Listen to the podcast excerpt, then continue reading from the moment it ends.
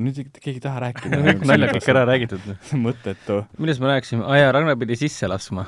ma lasen kohe Steni sisse. ära lase Stenile on õige, sisse. õige, õige eesti keel. nii, aga ma lasen nüüd Steni, Steni sisse, ma loodan, et see jääb hästi peale. jälle tegid valesti.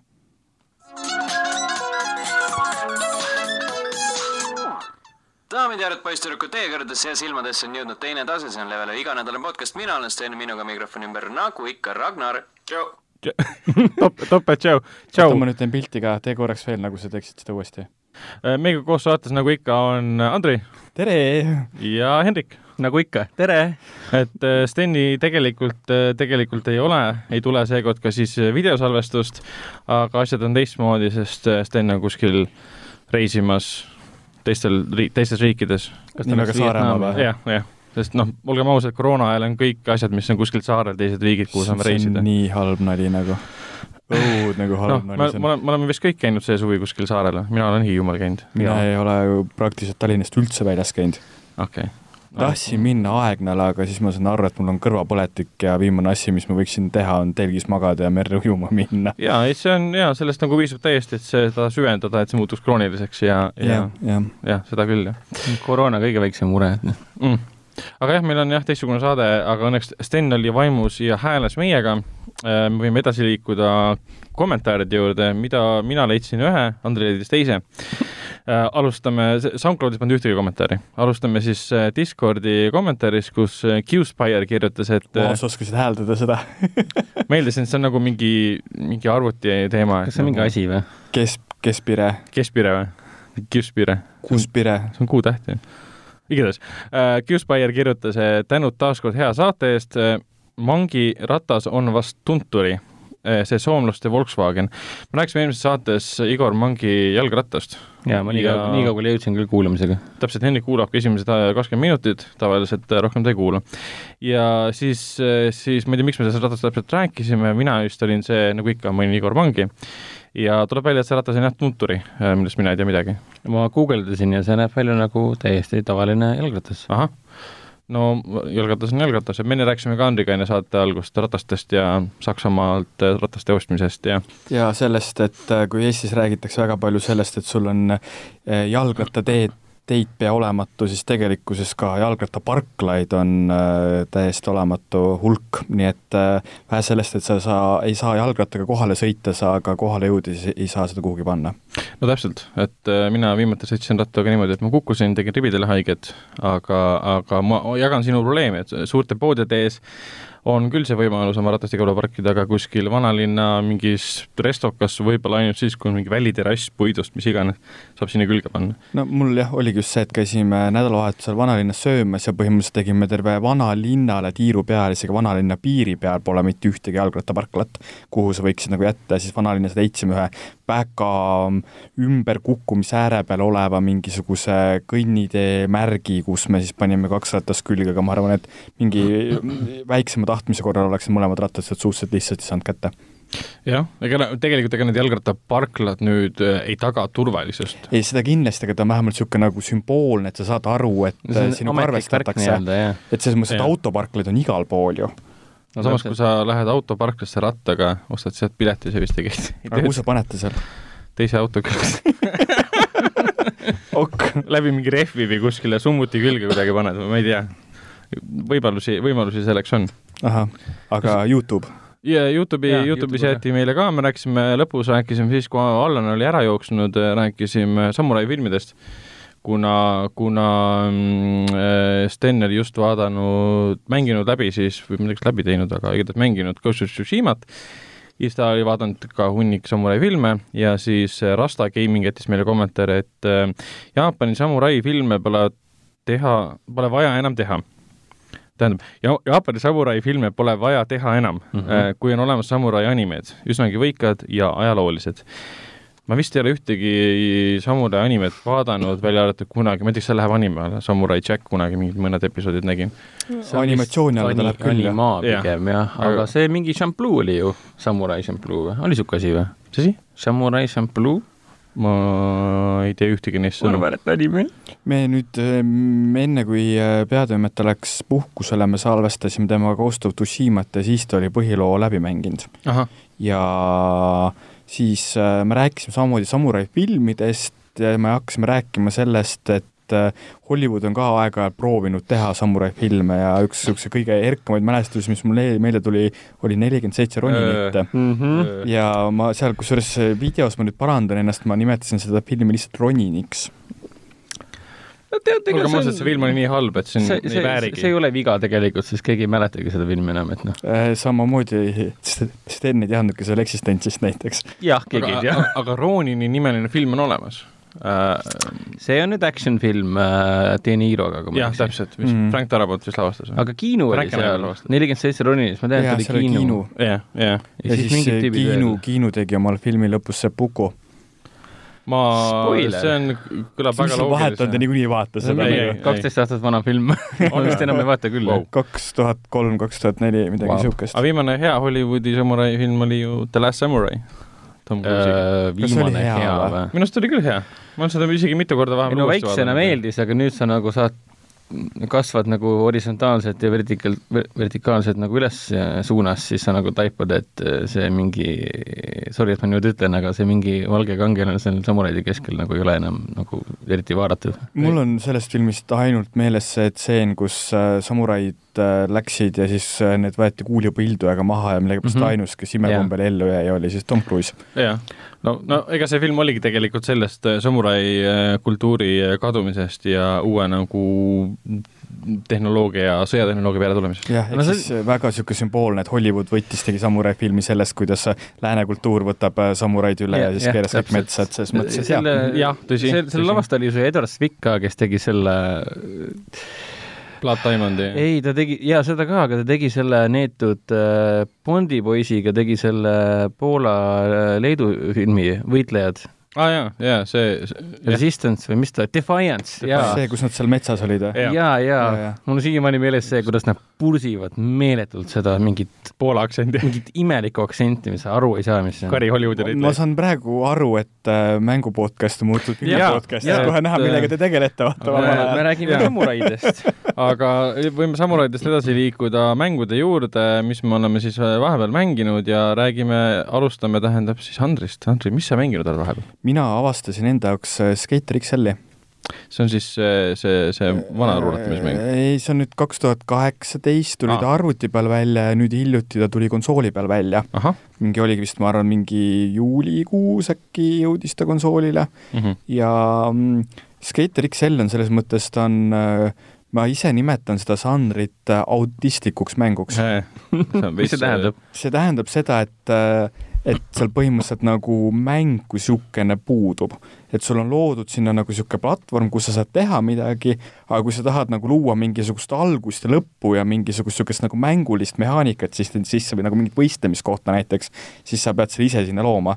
ehk siis üks hästi sarnane näide sellele on ka BeamNG Drive, kui te teate niisugust äh, auto um, mis isegi noh, mäng ongi selle kohta raske öelda, ta on lihtsalt nagu autistlik, selles mõttes, sa pead ise looma selle sinna see on nagu sisse. need walking simulatorid, see on nagu auti-, autism simulator. ei no aga need seal nagu on noh, võib-olla need walking simulatorid, kus sa saad vaata mingi Islandi mingi mererannas kõndida, mingid siuksed Jah, ja elu peale mõelda, jah, ja täpselt, et see on nagu see, jah, täpselt.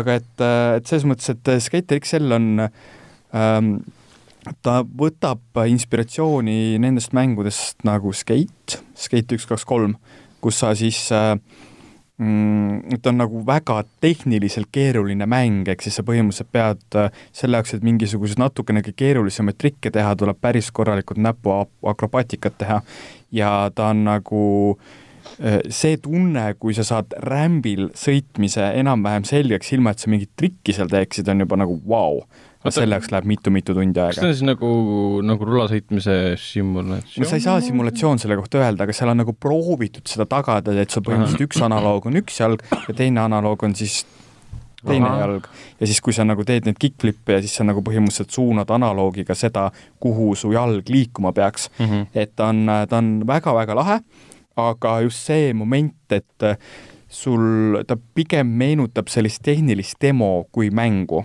Ehk siis, et põhimõtteliselt, et äh, mängu tuleks sinna alles peale hakata ehitama. no kas see on sinna peale äh, tulemas hiljem kunagi? ma sain aru, et kui arutile jõudis kaks tuhat kaheksateist aasta, siis me räägime sellest nii-öelda moodide kultuurist mm -hmm. ja nüüd konsooli peale siis jõudis seesama mäng koos äh, valitud moodidega ja ma millegipärast ei usu, et nad seda mängu teevad aga ma tean, et arvuti peal on ka mingisugune multiplayer'i mood tehtud, mida ma ei ole veel jõudnud proovida, aga võib-olla see on see asi, kus sul nagu tekib mingisugune võistlus, võistlusmoment või mingi asi sinna juurde.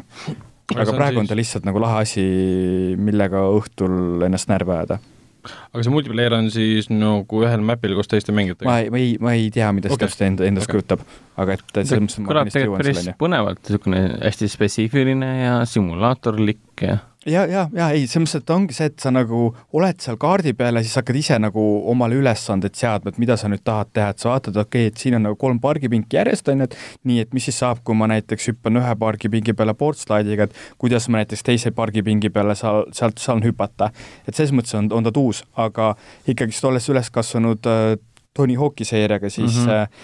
siis ähm, ma arvan, et niisugused arkaadilikumad äh, rulamängud omavad tunduvalt suuremat jälgijaskonda kui selline teos. no jah, see on lihtsamad ka rohkem niisugune rulemängude Death Stranding siis enam-vähem ja,. jah, jah, põhimõtteliselt mm, -hmm. põhimõtteliselt.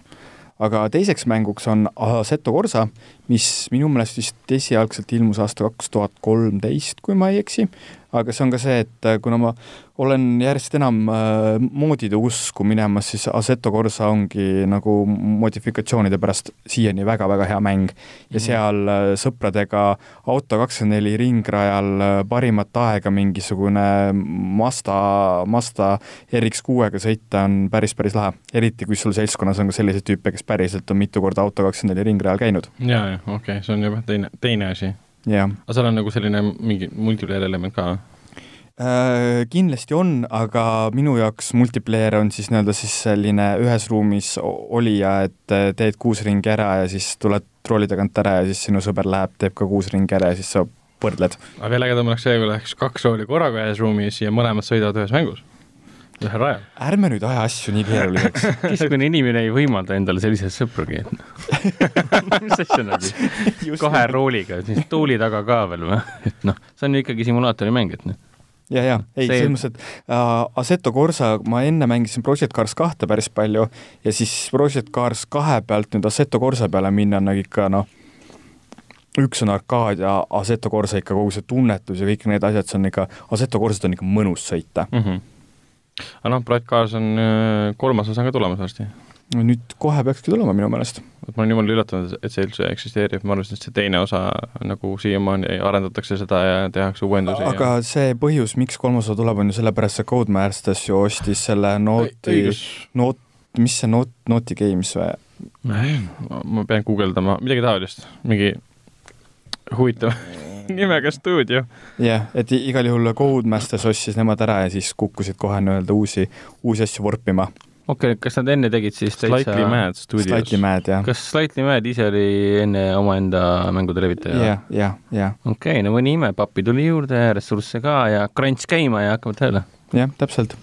nii see käib nii see käibki, vanemaid ei näe, lapsi ei näe, naist ei näe, koera ei näe, kassi ei näe.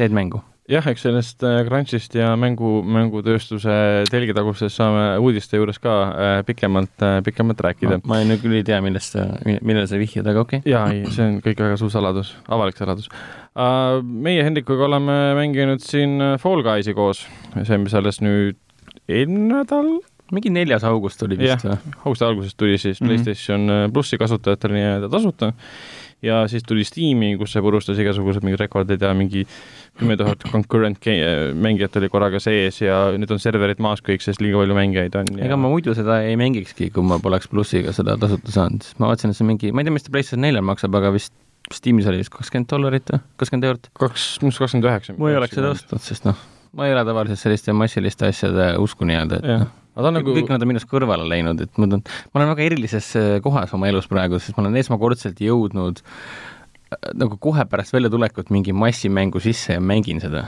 et mul ei ole varem seda tunnet olnud. see on Hendriku esimene Battle Royale mäng, mis ta mängib. okei okay.. on või? vist jah? kui see mäng Ilmselt küll, tuli PlayStation plussi tasuta kohe välja ilmudes, siis minu jaoks tekkis otsene paralleel Rocket League'iga mm -hmm. jaa, kusjuures jah. mis oli täpselt samamoodi, et ilmudes koheselt äh, PlayStation plussi ja suure tõenäosusega, kui seda käiku ei oleks olnud mm, -hmm. poleks Rocket League kindlasti nii kuulsaks saanud mm. või oleks selle jaoks nii palju rohkem aega läinud. jah, aga see lihtsalt, et uus mäng kohe PlayStation plussi, kõigil on mingi näevad püsti mm. -hmm. mis äh, Fall Guysi minu meelest kahjuks praegu räägib, lisaks sellele, et seal pidi hästi palju pettureid olema Nüüd, ja serverid äh, arvuti, kogu arvuti aeg, peal on jah häkkerid juba tekkinud. aga et äh, seal puudub crossplay. mm -hmm. hetkel küll, aga ma arvan, et see ühel hetkel tuleb kuigi.... no seal puudub kõik tegelikult, seal on ainult üks mood, et noh, tahaks nagu midagi enamat juba teha vaikselt seal, kuigi ma olen mingi kolm korda mänginud ainult. Nojah, juba selles tahad midagi enamat? jah, aga seal on samas hästi palju kaarte erinevaid äh, on, ja, ja iga kaart on põhimõtteliselt see, et sa jooksed ühest punktist teise, aga väga erinevatel, ei ta on väga nunnu mäng, minusugusele, kes äh, online-mängudes on jumala koba ja tahaks lihtsalt, ma ei tea, ema üles otsida, kallistada teda ja nutta pärast mingit äh, online-mängu kogemust, siis kus mingi vene, kaheteistaastane vene poiss sõimas siin mingi sukaks sukaks ja lähe kutsun, kutsun ema üles, mis see suga tähendab aga mulle sobib, et need Fall Guysid on ju põhimõtteliselt seisneb selles, et nad jooksevad hästi aeglaselt nii-öelda, kõik on võrdsed nii-öelda Mm. no nii-öelda võrdsed, välja arvatud siis häkkerid. arvuti peal, kus tüübidel on mingi speed hack peal. ma vaatasin jah videosid lihtsalt kohale esimene, et noh, aga muidu päris nunnu, kuigi me mängisime kolmekesti ühe sõbraga ka, siis me panime küll tä- seda tähele, et siin on veel vaja, see on tõesti nagu launch game alles nii-öelda mm., et see- noh, kui sa kolmekesti mängid, siis äh, need äh, matšid hakkasid korduma. Mängisime mingi kümme korda järjest ja ühed ja samad matšid kogu aeg. üksinda äh, läksid, siis sa said kohe midagi täiesti uut, ma pole niisugust asja näinudki varem. algoritm ongi tehtud niimoodi, et kui sa oled meeskonnaga, siis sa saad just need map'id, mis on meeskonnaga head. Okei okay., aga no mis toob selle. kitsaskoha välja, et äh, neid vist ei ole nii palju lihtsalt, see meeskonnamänge. aga noh, üksi ma panin tööle, ma sain kohe alguses mingi väga huvitava map'i, mida ma pole varem näinud. aga seal maksimaalselt siis saab korraga mängida kuuskümmend inimest, nagu ma saan aru. ühes jah, ühes, ühes matšis on siis äh, kuuskümmend inimest, mis kolmekesi mängides oli ka umbes niimoodi, et võib-olla kümnes korras kaks korda me saime päriselt kolmekesi mängida. Okei okay., sest ta viskas kogu aeg kas teise inimese, kolmanda välja, see üks inimene siis mm. -hmm. umbes niimoodi mm. -hmm. päris niimoodi ei olnud. no niisugune serveri, serveri probleemide klassikaline jah, teema see on arusaadav, sest Jah. nad on, nad on ise ka üllatunud ilmselt, et see nii suur hitt nüüd on. aga põhimõtteliselt jah, kuuskümmend, kuuskümmend mängijat, kõik on niisugused äh, kuidas neid tegelasi nimetada äh,? Fall Guys. mingid Fall Guys, jah. ahvid on. Guys on nad, Guys., beanbags põhimõtteliselt Jah. äh,. jalgadega beanbagid, kellele saab äh, igasuguseid mütse panna, riietust vahetada, värvi vahetada, mustrit vahetada. Need kõik on sama aeglased, nad kõik on sama kobad, nad kogu aeg komistavad iga väikse asja peale. ja sa saad tegelasega hüpata, sa tegelasega saad taivida nii-öelda ja siis saad tegelasega ronida ka, tuleb veel R2-ga, et kui sa kuskilt hakkad kukkuma, siis ta haarab ääres kinni jaa, ma pole seda veel testinud, lihtsalt ühel hetkel ma olin hämmastunud, vaatasin, kuidas kolm-neli tüüpi lihtsalt ronivad kuskilt üles, mis asi see, mis magic see veel on? Ja siis äh, neljas põhiline mehaanika on see, et teisi mängijaid saad kiskuda. ja see on ühelt poolt on see ühes moodis oluline, kus sa pead ähm, kas teise meeskonna või teise mängija siis äh, saba ära võtma ja seda saba nii kaua, kui matš lõpeb, enda käes hoidma. aga muidu sa oled jah, keset mängu, kui sa näed, et e- näiteks esimene, üks tüüp on esimesel kohal, lähed tema juurde, tõmbad teda ja lükkad ta kuskilt alla ja lähed ise edasi. Mhm. et niisugune vägivaldne aspekt on ka seal sees, et minu, meie mängudes seda kordagi ma ei tundnud. aga mu sõber mängis küll niimoodi, et ta oli finišisse jõudnud mingi viimase sekundi murdosa jooksul äh,. Äh, ja siis mingi tüüp seisis finišis lihtsalt, haaras temast kinni, lükkas teisele poole, mõlemad ei saanud finišist edasi nagu. jaa ja-, päris tihti nad seisavad seal ja püüavad äh, teisi mängijaid kinni. kas see mehaanika on siis, kunagi oli mingi äh, Human Fall Flat, Jaa, oli küll, niisugune mäng ja siis mingisugune, see Human Fall Flat oli mingi asja plagiaat nii-öelda, mis siis tegelikkus Hmm. mm. oli esimene selline, mis põhimõtteliselt kogu mehaanika oligi üles ehitatud selle peale, et sa oled niisugune beanbag'i tüüp, võtad teisest kinni ja lükkad nad kuskilt alla. täitsa, täitsa, täitsa võimalik. äkki äkki on järgmine plagiaadi siis Pole, tulekul pole. midagi uut siin, uut siin päikese all. aga, aga Fall Guys on lõbus, ta on lihtsalt väga-väga lõbus ja välja arvatud muidugi siis, kui sul esimese matšina tuleb see kõige raskem, see Slime Mountain, mis minu jaoks on kõige raskem, sest seal on see, see lima nagu, seal on mingi teema on seal limaga, igatahes lima on kas mäppide peal kuskil, mis takistavad sinu liikumist või need on kuskil mäpi all lähenemas sulle, sa pead sellest eemale hoidma ja, ja, ja kui see tuleb esimesena, siis see on minu arust keeruline, sest seal on üks, üks, seal on põrmatäht, kui sa ühe korra sured, siis sa oledki surnud. seal on mingi swingide teema, kus on siis nagu lauad, mis liiguvad eh, oma talje keskel ehk siis sa pead tasakaalu hoidma seal, et üle saada. ja seal sa võid kukkuda mingi viis-kuus korda ja sa tuled tagasi kogu aeg mm. -hmm. aga seda on võimatu teha, kui kõik need idioodid, kes seal mängivad seda, kõik ronivad ühele laua poole ja mõtlevad, miks nad surma saavad nagu mingi elementaarne koostöö võiks ikkagi olla, et te lähete kõik keskele no need, ja olete need, seal. Need platvormid oleksid tegelikult ülimalt mõttetud ja lihtsad, kui sa oleksid nagu neljakesti. noh mm -hmm., täpselt. täiesti mõttetu. aga kuuskümmend matši on siis keegi ja. ikka hüppab valesse kohta, ehk siis mingi nelikümmend inimest kõige lihtsam asi nagu sellest uksest on vaja läbi minna, aga ei, ma ei saa ju, sest kuuskümmend matši on siin ees. sa komistad sinna sisse, siis sa lendad kuskile füüsikatoimele üles ja nii edasi, et noh mm, -hmm. mingi progressi ei toimu, lihtsalt langed esimesel, esimese katsega langed välja lihtsalt. see kõlab täpselt niimoodi, et ma lähen koju ja uuendan oma PlayStation plussi ära jaa, absoluutselt. ma olin ka skeptiline. tasuta aga saab, siis on seda väärt küll. no tasuta on. noh, tasuta, ma näitan neid jänkusid praegu tasuta aga, aga Rocket League'i sarnasus oli küll see, et seal lõpupoole, kui on tegelasi vähem, tuleb jalka sisse okay.. aga kui Rocket League'is oli üks pall, millega nagu, sest päris jalgpallis on üks pall, seal on kaks palli ja ta on mingi neli versus neli ja viis või siis seal on olnud ka kuus versus kuus ka, aga see oli seal niimoodi, minu arust see matš ei tule siis, kui sul on äh, kuuskümmend inimest alles. kohe mitte. mängu alguses, siis oleks kolmkümmend versus kolmkümmend hullumaja aga seal on päris, päris tõus on jah, pead lihtsalt vastase väravasse lööma ja näeb välja täpselt nagu Rocket League'i round nagu map põhimõtteliselt, mis on väga, väga sarnane. aga nüüd äh, põhiline küsimus, mis igasugustel äh, ähm, Battle Royale mängudel on, et kui sa võidad, mis tekst sul ette tuleb? Seal ei olegi mingit teksti? Äh, seal on ainult selle sinu tegelase mm, ta teeb seda võidu, võidutantsi seal ja rohkem mitte midagi. jah langeb ära ja on kõik kadunud. seal on tekst juures, et äh, sinu kasutajanimi uh, is the winner või midagi laadset okay.. ja sa oled, oled nagu pjedestaalil põhimõtteliselt ja tihtipeale on emotsioon umbes see sisse ehitatud, et ta vaatab kuskile mujale, siis avastab, et aa, mina olen võitnud, vaatab kaamerasse. minu meelest oli see kogu aeg üks ja sama, et noh. võib-olla tulevikus saab neid siis valida, et mida ta nagu teeb, aga praegu on lihtsalt tants. jah, tõenäoliselt nad hakkavad seda kõvasti muut-, uuendama, update ima, et mm -hmm. juba täna või homme tuleb uus update, kus nad siin muudavad mingisugust äh, tasandit äh, järjekorda ja mõne võtavad üldse ära ja panevad, tuleb välja film oli, see, film äh,. mäng oli beetas ka ja seal olid ka mingid platvormid olemas, et nad nüüd toovad beetast, panevad nüüd äh, launch game'i ka siis mõned asjad mis olid siis, beetas olid siis nagu fan favorite nii-öelda mm. aga noh, ma loodan küll, et nad hakkavad seda uuendama, sest ma tahaks ise nagu, okei okay,, probleem on selles, et tahaks teha private match'i, eks, noh mm, -hmm. aga ei saa. kellel on nii palju sõpru aa, ah, see ka jah, jaa. sest mõtlesin, et see ainult kuuekümnega töötabki, muidu on tõesti mõttetu ju. okei okay,, kolmkümmend veel kuidagi, et noh, see sõltub siis sellest, mis tasandid seal on. aga, aga see ongi see, private match'id oleks päris lahe see, kui sul on näiteks kümme sõpra, kellega koos mängid ja sa valid sinna, sinna match'ide queue'sse või map'ide queue'sse just need map'id, mis on ideaalsed äh, künni, künni inimese jaoks ja, jah, mhm. seda nad võiksid teha küll, et siin rahulikult ise oma, mis see on siis, skirmisid teha põhimõtteliselt. No, aga tuleb... kas see kõlab täpselt selline asi, mida saad sa teha siis, kui sul on crossplay? sest et minu meelest PlayStation ei lubagi nii palju inimesi korraga nii-öelda kokku matši panna. jaa, tegelikult, tegelikult küll jah, see private lobby, mis sa saad nii-öelda endale teha, seal minu arust on ka vist mingi kuus. õigus, õigus, muidugi. no võiksid selle teha ära küll. oli minu meelest. okei, nojah sest noh, crossplay muudaks asja lihtsamaks, noh mm.. jah. ega seal mingit eelist ei ole arvutil jäetud see, et sa saad mingi häki peale panna ja jooksed kiiresti. aga kuskil mujal seda tasuta vist ei saa või? ei.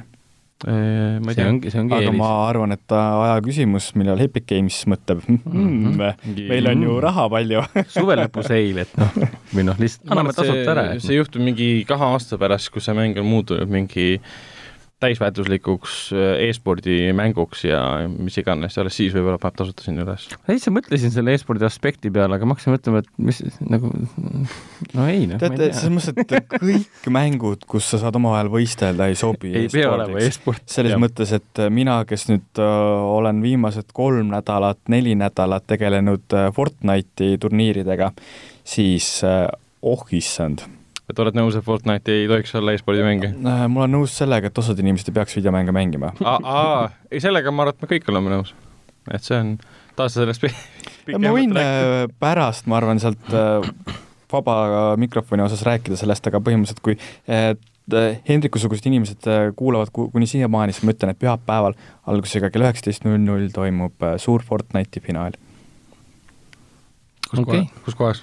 Äh, Euronixi mänguklubi Facebookis saab seda näiteks vaadata ja Postimehe TV-s. no vot, siis äh, saab ka näha inimesi, kelle puhul on ilmselge öelda, et nad ei tohiks seda mängu mängida. ma olen omalt poolt maksimumi andnud, et äh, sellised ei- okay. finaali ei pääseks. kindlasti keegi lipsas läbi, et noh, ja, ja, ja, ja. Aga ei, Fall Guys on äh, väga äge, me võiksime seda kindlasti veel äh, koos mängida. mis me oleme veel koos mänginud Hendrikuga, on äh, Red Dead Redemption Online, mis läks pärast äh, viimast update'i, mis oli mingi neli giga mingit The Naturalist update, läks katki. inimesed väidavad igal pool, mina seda veel pole näinud, et loodus kadus täiesti ära, nagu siis loomad kadusid ära. NPC-d lakkasid töötamast äh, ja muud asjad. meie kui mängisime, oli ainuke asi see, et sa ei saanud uut, uue rolliga alustada. Mm -hmm. et me mõtlesime, et no ostame endale selle mingi Butcher Stable'i oma siis no me oleme äh, aeglased mängijad, et me oleme mingi mitukümmend tundi sinna alla pannud ja Pusher Stable on siia ostnud.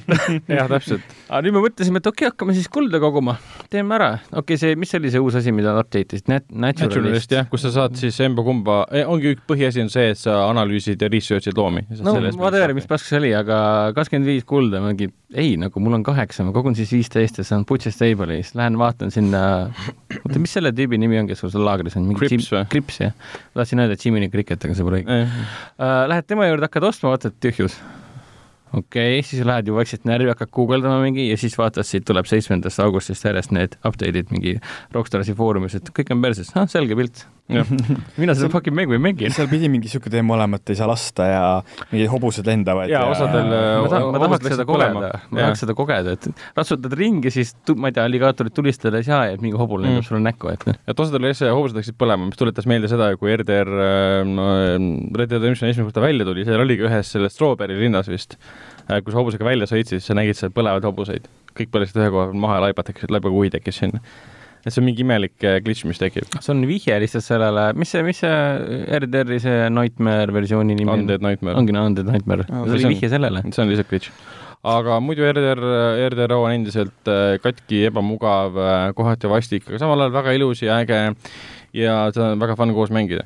Min- kui mina seda online'i mängisin, siis minu jaoks ikkagi kõige suurem probleem oli see, et tulles nagu GTA Online'i pealt, siis minu jaoks nagu sisust jääb väheks või nagu küll. ma ei saa aru sellest äh, mida ma siis seal nüüd nagu tegema mm -hmm, hakkan mm. -hmm. et ta kuidagi nagu, noh, ma saan aru jah, et metsik lääs on ju, peabki tühi olema, on ju, peabki igav olema, et mis sa teed, lähed, lähed, lähed baari, jood täis ennast, on ju. mida me oleme ka teinud, jah. nojah, aga selles mõttes, et nagu me joome nagu iga, pärast iga matši lõppu lihtsalt kaanime viskit sisse. Need pudelid, ma ei tea, ma pean guugeldama, kas tõesti Metsikus läänes oli viskipudel mingi poolteist liitrit või? ah,, miks mitte.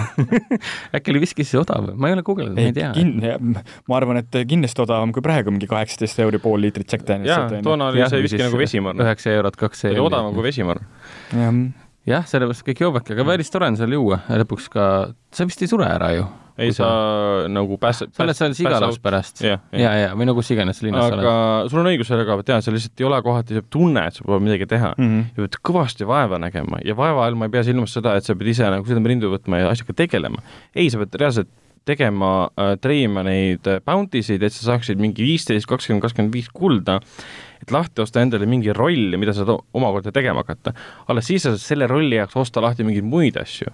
aga sinna jõudmine, et see kakskümmend viis kulda saada, sa saaks seda ainult siis, kui sa teed seal mingeid online asju, mis on siis player versus player tulistamised, siis on seal mingi player versus player ähm, hobusesõidu võiduajamised ja siis on lihtsalt see, et nagu meie, me teeme legendary bounty sid, mida sa saad teha tunnis ühe. Ja sa pead ootama Jah. tund aega seda järgmise teha. Õnneks tavalisi neid pearahaküti rolle saab noh, kogu aeg, kogu aeg teha neid töid. noh, seal oli vahepeal exploit, kus sa said äh, Playstationi kella keeratud, tund aega hiljem said uuesti teha. Oli aga jaa, aga siis, siis Rockstar sai vist sellest aru ja tegid mingisuguse workaround'i sellest, et seda ei juhtuks enam. et ei saaks enam kella keerata.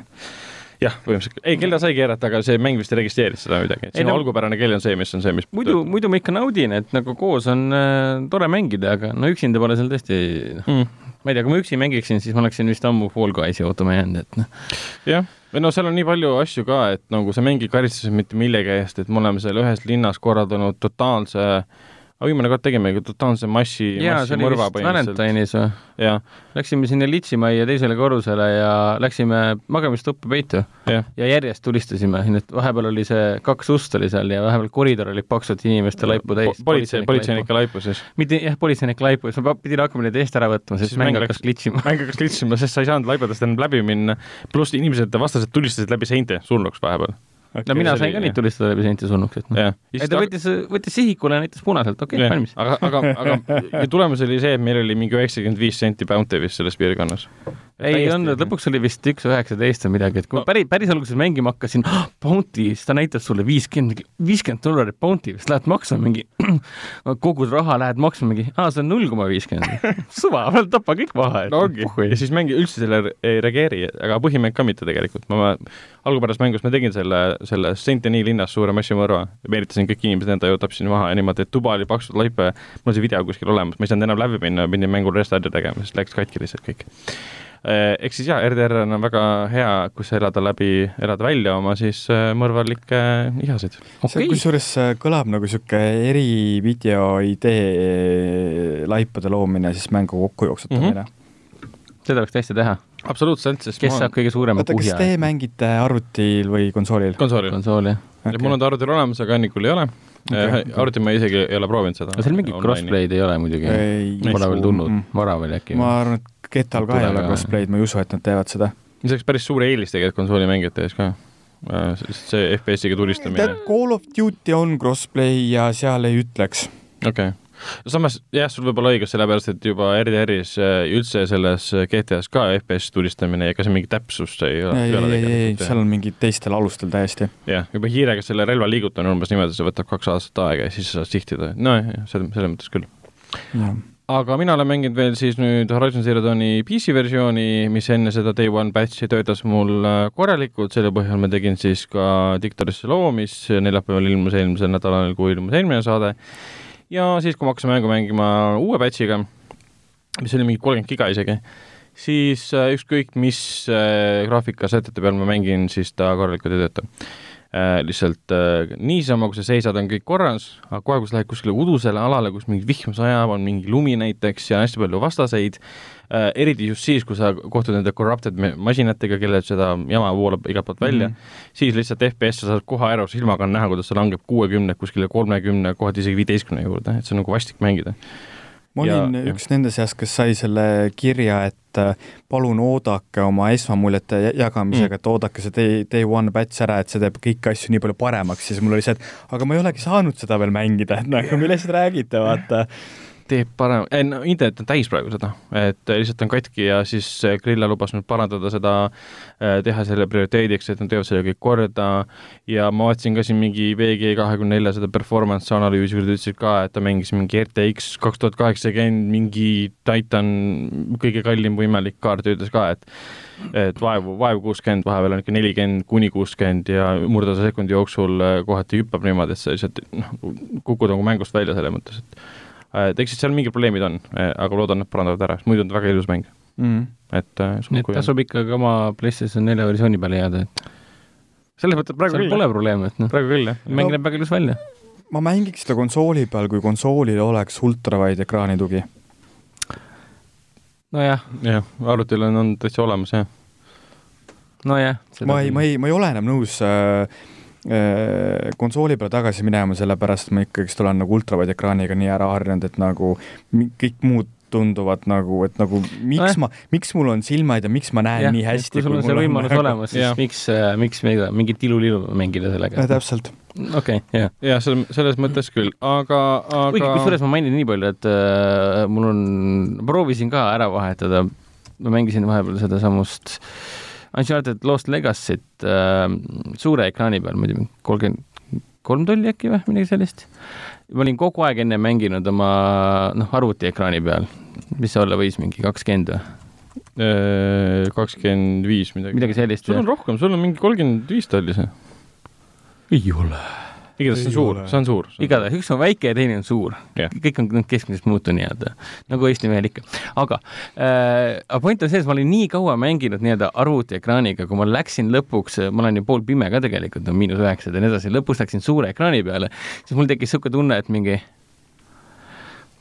see on ju 3D mäng, ma ei näe, mis seal taga toimub, ma ei näe vaenlaseid, ma pidin lihtsalt tagasi kolima, et ma näeksin lähemalt, kuidas vaenlased tulistada. okei okay.. ja mul tekkis see imelik efekt nii-öelda, et ma lihtsalt ei näe, ma lihtsalt ei näe, kus tulistatakse. mingi asi seal liigub, aga no, noh. aa, see on see efekt, et sa ei näe kõike oma tunnelis, vaid sa pead vaatama niimoodi, et kus ta tulistab. no täpselt, see on ju videomäng, ma pean nägema, mis maailmas toimub, et noh, jah. et see on veider, veider, noh, mul on puue, nii et sul ka või noh? jaa, tere tulemast äh, klubisse. puudega raisk. One of us, one of us. aga Hendrik, sa mängid äh, The Last of Us kahte endiselt ainsa inimese maailmas, kes pole seda läbi teinud. mina ka ei ole. No okei sa oled üks, üks kahest, kes ei ole seda läbi teinud siin maailmas. ma ei ole seda isegi käima pannud kordagi. Miks? okay.? sest et ähm, ma isegi ei oska vastata selle küsimusele, mul on kuidagi nagu hirm selle mängu ees. tänu sellele vastukajale. ei, üks asi on vastukaja, teine asi on sihuke mm,, ma nagu, ma ei, ma ei tunne, et ma oleks elus praegu sellises positsioonis, kus mul oleks võimalus talle anda sõrm ja siis jääda oma käest ilma. sellest sa kindlasti võid mulle seda sõrme anda, jaa, see, see on tõsi um,. aga võib-olla see on parem, et sa leiadki selle hetke, mil, mil tundub, et see on ideaalne hetk seda tõesti mängida nagu päriselt mängida. et ma, et ma ootan, ma ootan seda ega ta hetke. kuskil ei kao selles mõttes. ei no see permadeht tuleb ja siis on sellega hea mängida. jah. ja, ja selles mõttes ta on mul konsooli peale alla laetud, konsool aeg-ajalt käib ka vooluvõrgus, et äh, ta ootab oma hetke. ta on vooluvõrgust väljas muidu või? konsool küll jah, sest et ma millegipärast kannan teda aeg-ajalt kontorisse, kontorist ära aa, kaasas. okei, jah. muidu on see, et nagu tahaks üle pika aja mängida, siis mingi ta ei tööta ju. mu Playstation neli on katki või? issand jumal, siis kaks aastat hiljem, aa, vooluvõrgust on väljas.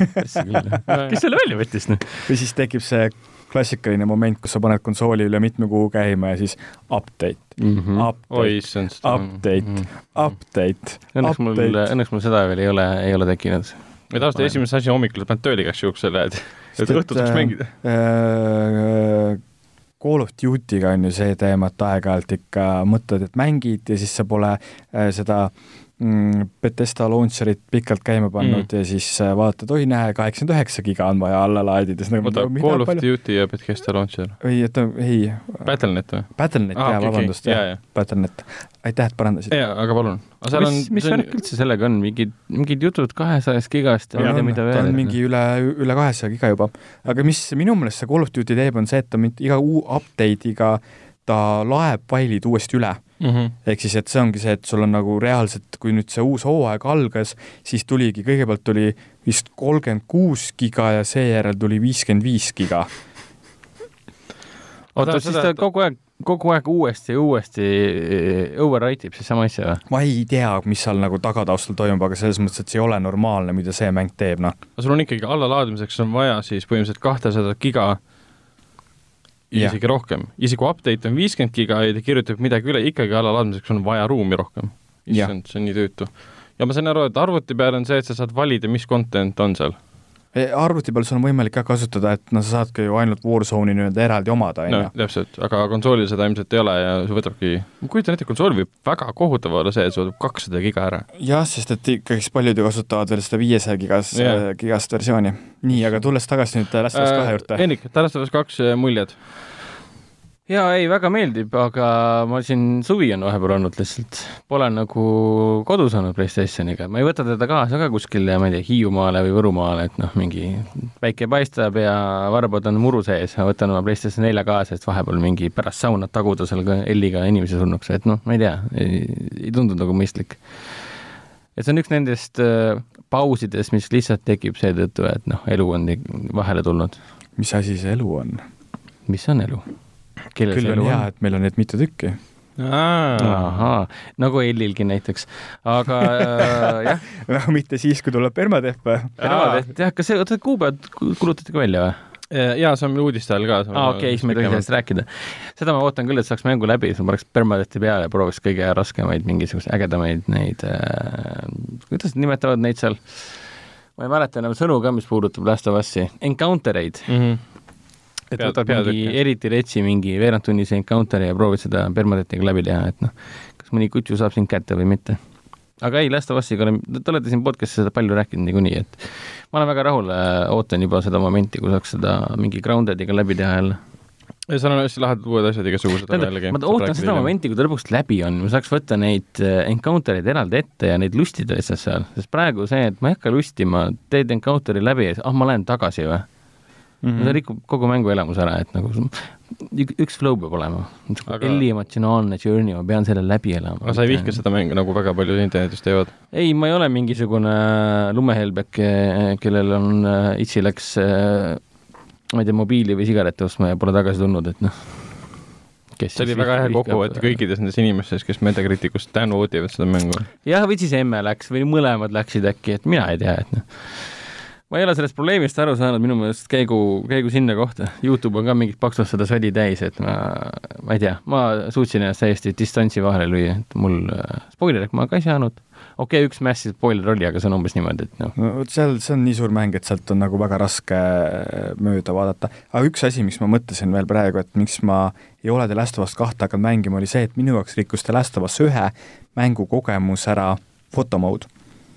Rik-, aa, see, et sa jäid seda kasutama. ei, mul oli see, et ma hakkasin olukordi lahendama alati nagu mõttes, et kuidas see fotomoodis võimalikult lahe välja näeks mm. Mhm. -hmm. ja siis, kuna seal ei, vaata fotomoodis ei olnud võimalik nagu aega edasi-tagasi liigutada, on ju, et siis nagu mingi, et nagu mängin mingit stseeni läbi ja siis just selle kõige lahedamal hetkel, mida tegelikult võiks ju nagu kogeda, on ju, panin selle kaamera käima, siis oot, kus vaat-, siit nüüd vaatan, vaatan sealt, on ju. oota, mis mõttes aega tagasi kerida? et sul nagu noh, sa ju teed äh, vaata ühe selle klõpsu ja siis sa saad nii-öelda nagu yeah. selles ajahetkes saad nagu ruumis ringi liikuda aa jaa, seda küll, seda jah, küll. aga näiteks võrdles näiteks, kui ma olen nüüd viimased paar nädalat äh, Fortnite'i selle replay moodiga ringi lennanud, et seal on nagu noh, sa saad nagu leiad mingi laheda situatsiooni ja saad nagu läbi mängida seda kogu aeg. noh, see on nagu Ghost of Tsushima fotomood on see, et sa saad muuta kõik nagu päevaaega, ja, ja täpselt, absoluutselt täpselt, täpselt, täpselt, detaile täpselt.. aga, aga ikkagi seal on ka samamoodi, et ikkagi see hetk ja nagu antud nagu see freeze frame jääb samaks, mm.. aga sa saad nii-öelda seda animeerima jaa, panna. täpselt, täpselt. jah. aga no Last of Us kahes mul oli ka, et ma kogu aeg kogemata panin peale seda. Mm. jaa, mul oli ka. ehmatavad momendid, aga tulemus oli see, et ma sain nii lahedaid fotosid sellest, kuidas seda arvad sina? Ei no see oli mitte nagu foto eelmisest, podcast'ist rääkisite see ei olnud lahe foto selles mõttes, et, et ma oleks seda huvitavalt teinud. pigem see, et see oli kogemata peale läinud foto mode tagas selle, et kui Elli näiteks silmad kinni pumbaga äh, äh, mingi Seraphidil äh, ajutossad välja lasi, ma sain selle hetke pildile, kus sa näed, kuidas on animeeritud seda, et noh, noh, kuidas masin, see mootor töötab, kuidas tüübi peatükid kaugenevad tema, tema kehast ja see oli nii võimas ja vaadata siis see Elli nägu samal ajal, kuidas Jah. on mingi viha täis, mingi hambad väljas kõik. sa näed ka, kuidas see pumbast tulnud valgus paistab talle näkku, kuidas mm -hmm. ta Mhm. pigistab silmad kinni ja siis parasjagu kellegi peale ja õhku noh, tähtis pole kvaliteet, tähtis on see, et see moment ise on nagu äge. mm. -hmm. Või noh, sest et äh, fotograafia ikkagist ongi ju hetke tabamine kui midagi muud sügavmõttelist. Jah. jah, nii et Ragnar, sa oled fotograaf. ma, ma olen ametlikult fotograaf. jah, palju õnne sulle. on sul, on sul Twitteri konto olemas või? Of Us kaks official äh, foto, fotograaf Ei seal on äh, Ra Ragnar Novod Photography Facebooki grupp, kuhu mm -hmm. ta postitab jaa neid, pilte. Twitteri kontot ma ei julge teha, et ma arvan, et leitakse viie aasta pärast midagi solvavat seal ja siis mu karjäär on läbi. jah, ütlesid midagi Eldi kohta valesti ja siis nüüd öeldakse, et äh, Aida, jah, täpselt. aga, aga selge, liigume edasi uudiste juurde, aga enne kui me päriselt läheme uudiste juurde, mainime ära, mis on siis level üks punkt ee seas huvitavat lugeda, üks neist on muidugi Andri kirjutatud eh, Eesti mängutööstuse kasvuvalud, mis kaudselt ja tegelikult väga otseselt räägib siis eh, vahepeal päevavalgele tulnud, tulnud ähm, ränga uudise, ütleme siis skandaalist. ja skandaalist, millest me räägime uudiste juures ka, mis puudutab siis äh, äh, videomängu Aeon, Aeon Must Die ja selle, selles kodustuudiot äh, Limestone Games.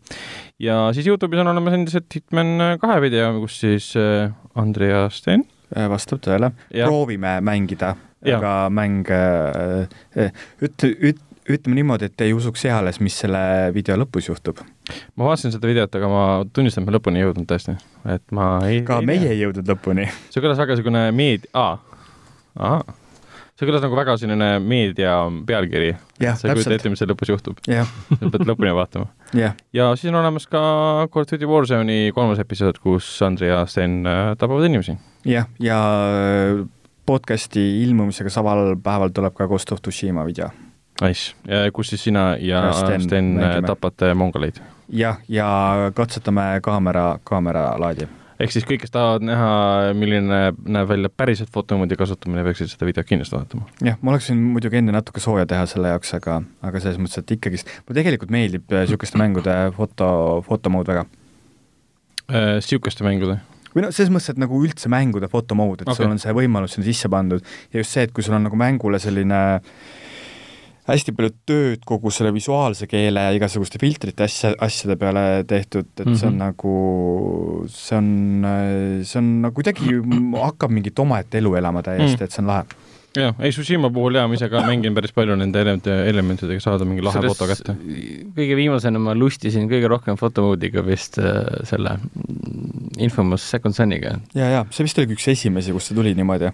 Vist jaa, oli jah, Level ühes ilmus ju Andrei äh, lugu ka sellest, kus olid fotod juures. ja, ja ma mäletan seda, et äh, aasta oli siis kaks tuhat kolmteist. midagi sellist See ja kohe mäng see- mina, mina nüüd, ma ei tea, millal ma selle mängu nüüd läbi tegin, oligi aasta alguses äkki või?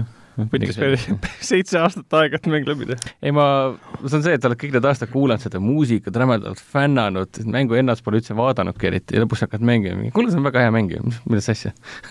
kusjuures see vist äh, on üks nendest, et mul jäi see mäng pooleli tänu fotomoodile, siis ma lihtsalt hakkasin nagu fotomoodiga tegelema. no jaa, sa ju lendad seal erinevate võimetega, kogu aeg vaatad, et kuule, see on hea, nurkab päike tuleb sealt ja, ja siis täpselt, kivitükid on siin, ma nüüd teen pilti, okei okay,, see on vale positsioon, lased korraks lahti, paned uuesti aga ta peale., aga ta näeb väga-väga lahe välja, juba nagu tolle aja kohta nägi väga jaa, ta pole üldse vananenud. jah, jah. noh, okei okay,, sama masin ka, et noh. sama stuudio, kes tegi äh, Ghost of Tsushima.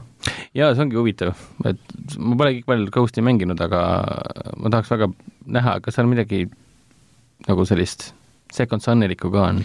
seal lennata ei saa. no seda küll. no mõlemad on avatud maailmaga mängud ja, ja. mõlemas on fotomood olemas, et nagu mis sa veel tahad vaata nojah ja ja,, mõlemad- nendest sõnastusest piisab, et mõlemad on küllaltki, küllaltki värvilised ka. Mitte siis, kui sa Ghost of Tsushimale paned äh, Jaapani samurai filmi äh, Jah. Akira Kurosawa. jah, siis see veri on siuke must niimoodi, muidu on ka must. vot äh, kahe podcast'i vahel tulevad välja näiteks sellised mängud nagu Microsoft Flight Simulator, mis on siis kaheksateistkümnendal augustil.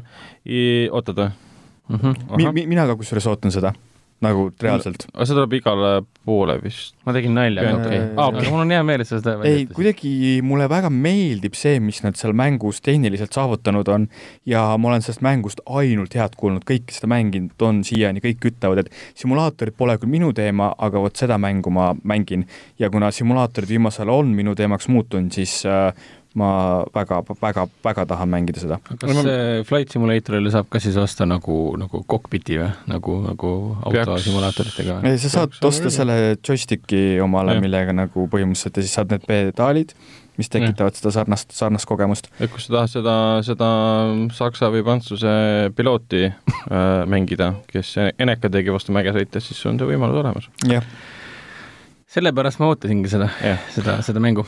kusjuures ma hakkasin praegu mõtlema, et kas lisavarustuse mõttes on nagu äh, Flight Simulator ja Farming Simulator suhteliselt sarnased sest seal on ka vaata need mingid kangid, millega saad vaata teha ja mingid nagu, ma olen nagu näinud neid Farming Simulatori lisavarustust ja tegelikult ma arvan, et neid oleks jumala tuus ka Flight Simulatori puhul kasutada. tegelikult küll, jah. igasugused kangid ja värgid, jaa, nad on üsna tasemel selle koha pealt, jah. tegelikult ma isegi tahaks mängida seda Farming Simulatorit, ma pole kunagi mänginud seda. see, mis plussiga ära anti, seda ma mängisin. ma tõmbasin äh, panin endale library'sse, aga ma ei ole mänginud seda. ma lasin ta maha, aga ma mängisin tutorial'it, siis kütsin ühe selle põllu täis seemneid ja korjasin Läksid koju ära ja korjasin kokku ka ära ja viskasin silosse ära ja siis ma mingi okei okay,, I m gonna un uninstall that shit. samamoodi oli selle uue teise maailmasõja selle Call of Duty'ga, mis see oli? uue, vana juba. no mis iganes nad selle plussi ära andsid, mul on nii sassi läinud. World War Two. World War Two jah, World at War kaks nii-öelda siis. mängisin algust seal Omaha Beachil, on, rohkem pole ju teise maailmasõja mänge välja tulnud ju, on või? Call of Duty's pärast World, World at War'i. äh,. ei ole jah. no näed, ma tegin selle Omaha Beach'i ära ja siis ma mingi nope, uninstall. et jah, okei okay., vanaks jäänud juba, elus pettunud. aga kaheksateistkümnendal augustil tuleb lisaks Microsoft äh, Flight äh, Simulatorile välja ka Apex Legendsi kuues hooaeg ja enne seda kõike tuleb muidugi neljateistkümnendal augustil ka UFC neli PlayStation neljale ja Xbox, Xbox One'ile aga liigume uudiste juurde, alustame, alustame sellisest, sellisest skandaalist, milleks on muidugi siis Limestone Gamesi äh, mäng Iron Must Die, mis nüüd siin äh, kahe podcast'i vahepeal toimunud siis äh, Sony Play, State of Play. State of Play toimus ja mille jooksul tutvustati uusi mänge, need, nende videoid ja treilereid ja nende hulgas oli siis kahe Must Die uus treiler, kõik nägi väga äge välja. aga kohe, kui see oli üles tulnud, siis tuli neli level ühe video Youtube'i kontole ja siis igale poole mujale maailmas Äh, tuli teade, äh, kus siis äh, mängu algupärased loojad, algupärane meeskond andis teada, et see ei ole üldse nende mäng, see ei ole üldse nende video, nemad on kõik juba stuudiost juunis lahkunud ja nad sunniti osad lahkusid juba enne. jah, täpselt. aga, aga siis Andrei, tahad sa sellest natuke pikemalt rääkida? see on nii keeruline teema ja kuna ma olen natuke pikemalt selle asjaga nagu kursis olnud mm -hmm. ja kuidagi nagu proovinud Äh, siis äh, sõpru abistada kogu selle asja puhul, siis mul on hästi-hästi raske rääkida sellest okei okay., ei no ma saan aru, ma saan aru, ma ise lugesin neid äh, Dropboxi link, mis jagati igal pool äh,, materjale läbi, kuulasin audio neid äh, dialoogi, mis olid salvestatud poolsalaja, siis või päris salaja. ja, ja hämmastav oli see, kui kiiresti see kulutunne levis et see igal pool oli vist äh, Nintendo Youtube'is, äh, kes see, see Focus Home'i Youtube'is, kes selle nagu välja annab mm -hmm. mängu, mhm. siis kõik kommentaarid olid selle kohta. no see on nagu, ma arvan, et sellele omamoodi mängis rolli tõsiasi, et see State of Play üritus ise oli väga kehva jah, oli küll. ja see, see Must Die video tuli sealt väga hästi välja ja kuna see ajastus kogu nii-öelda materjalide internetti paiskamiseks oli nii õige mm -hmm. ja et noh, et nagu asjaosalistel oli võimalus hoida seda olukorda ära, aga seda ei tehtud mm.. ja, ja nüüd mul on tegelikult siiralt hea meel, et see nii suure kella külge on pandud.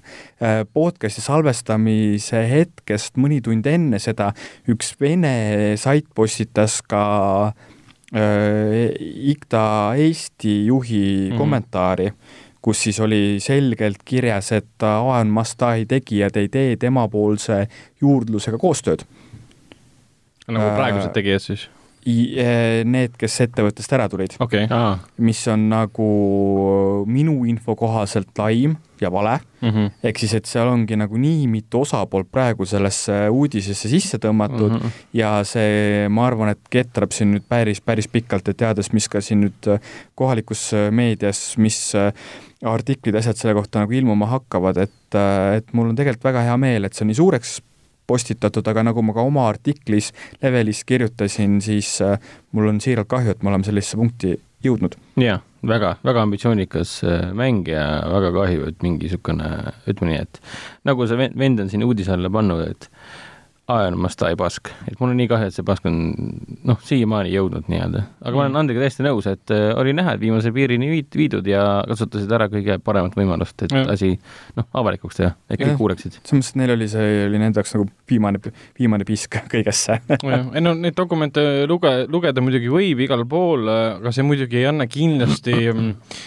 täielikku ülevaate, mis tegelikult juhtus. no eks see on jah, ühe osapoole nägemus ja niikaua, kuni pole noh, aga see on alati see ametlik nägemus ja mis on päris nägemus. ta annab sulle noh, mingi selge konteksti, kus sa näed, kuidas mingid inimesed lihtsalt löövad noa selga, võtavad ära sult selle, mille nimel sa oled aastaid vaeva näinud, kõik oled selle alla pannud, lihtsalt sellepärast, et ta sai võtta ja, ja kuidas sinu väljastaja siis Focus Home üldse ei reageeri sellele ka, kuidas Sony absoluutselt ei huvitanud alles nüüd nad reageerivad, Twitteris tuli ka Focus Home'i poolt siis teada, et me uurime asja. kas Sony on ka reageerinud? Äh, Sony ei ole midagi öelnud. Sony ei ütle ka midagi. Sony on Sony, et seal oli nii palju erinevaid, see on avalik info selles mõttes, sellest kõik saavad seda lugeda, sellest rääkida, seal oli nii palju niisuguseid tülgastavaid tekste ja siis sa kuulad neid audio salajaseid mm, tekste ka, kus omad inimesed omavahel räägivad, kuidas üks üritab nagu ettevõttest ära minna, tahab siis, paneb nagu lahkumisavalduse lauale ja siis põhimõtteliselt see nagu naer-, mitte naerda välja, aga keelatakse ära, et sa pead mingi, midagi tegema, et see noh, see kõlas nagu nii nagu vastiku ja niisuguse rämeda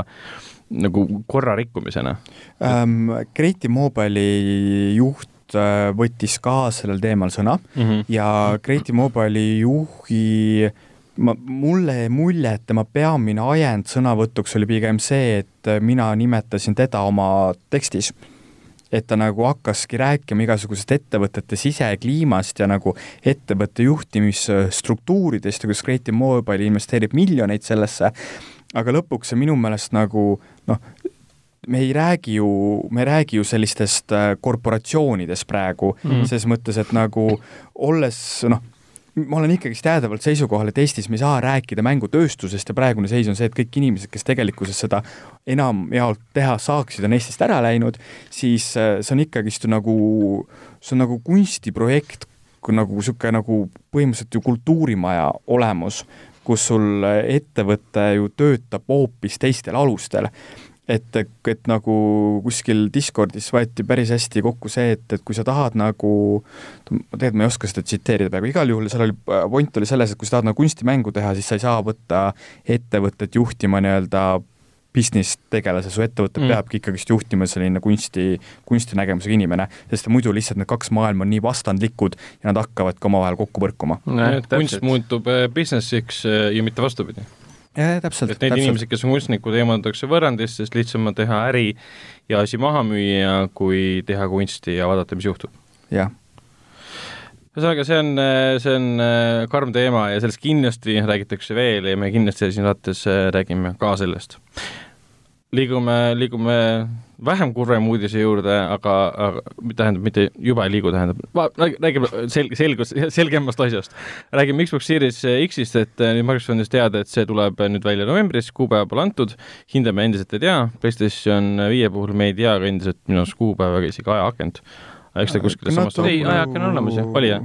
no see aa, see oli ka holiday ja,? jaa, jah, siis ikkagi ei no selles mõttes, et nagu mõlema puhul on see, aga holiday ju tegelikkuses tähendabki USA ma, nagu maailma mastaabis novembrikuud ja, ja. tavaliselt pigem novembri keskpaika. jah, et sa novembris ostad ära ja siis jõuludeks kingid ära kõik asjad.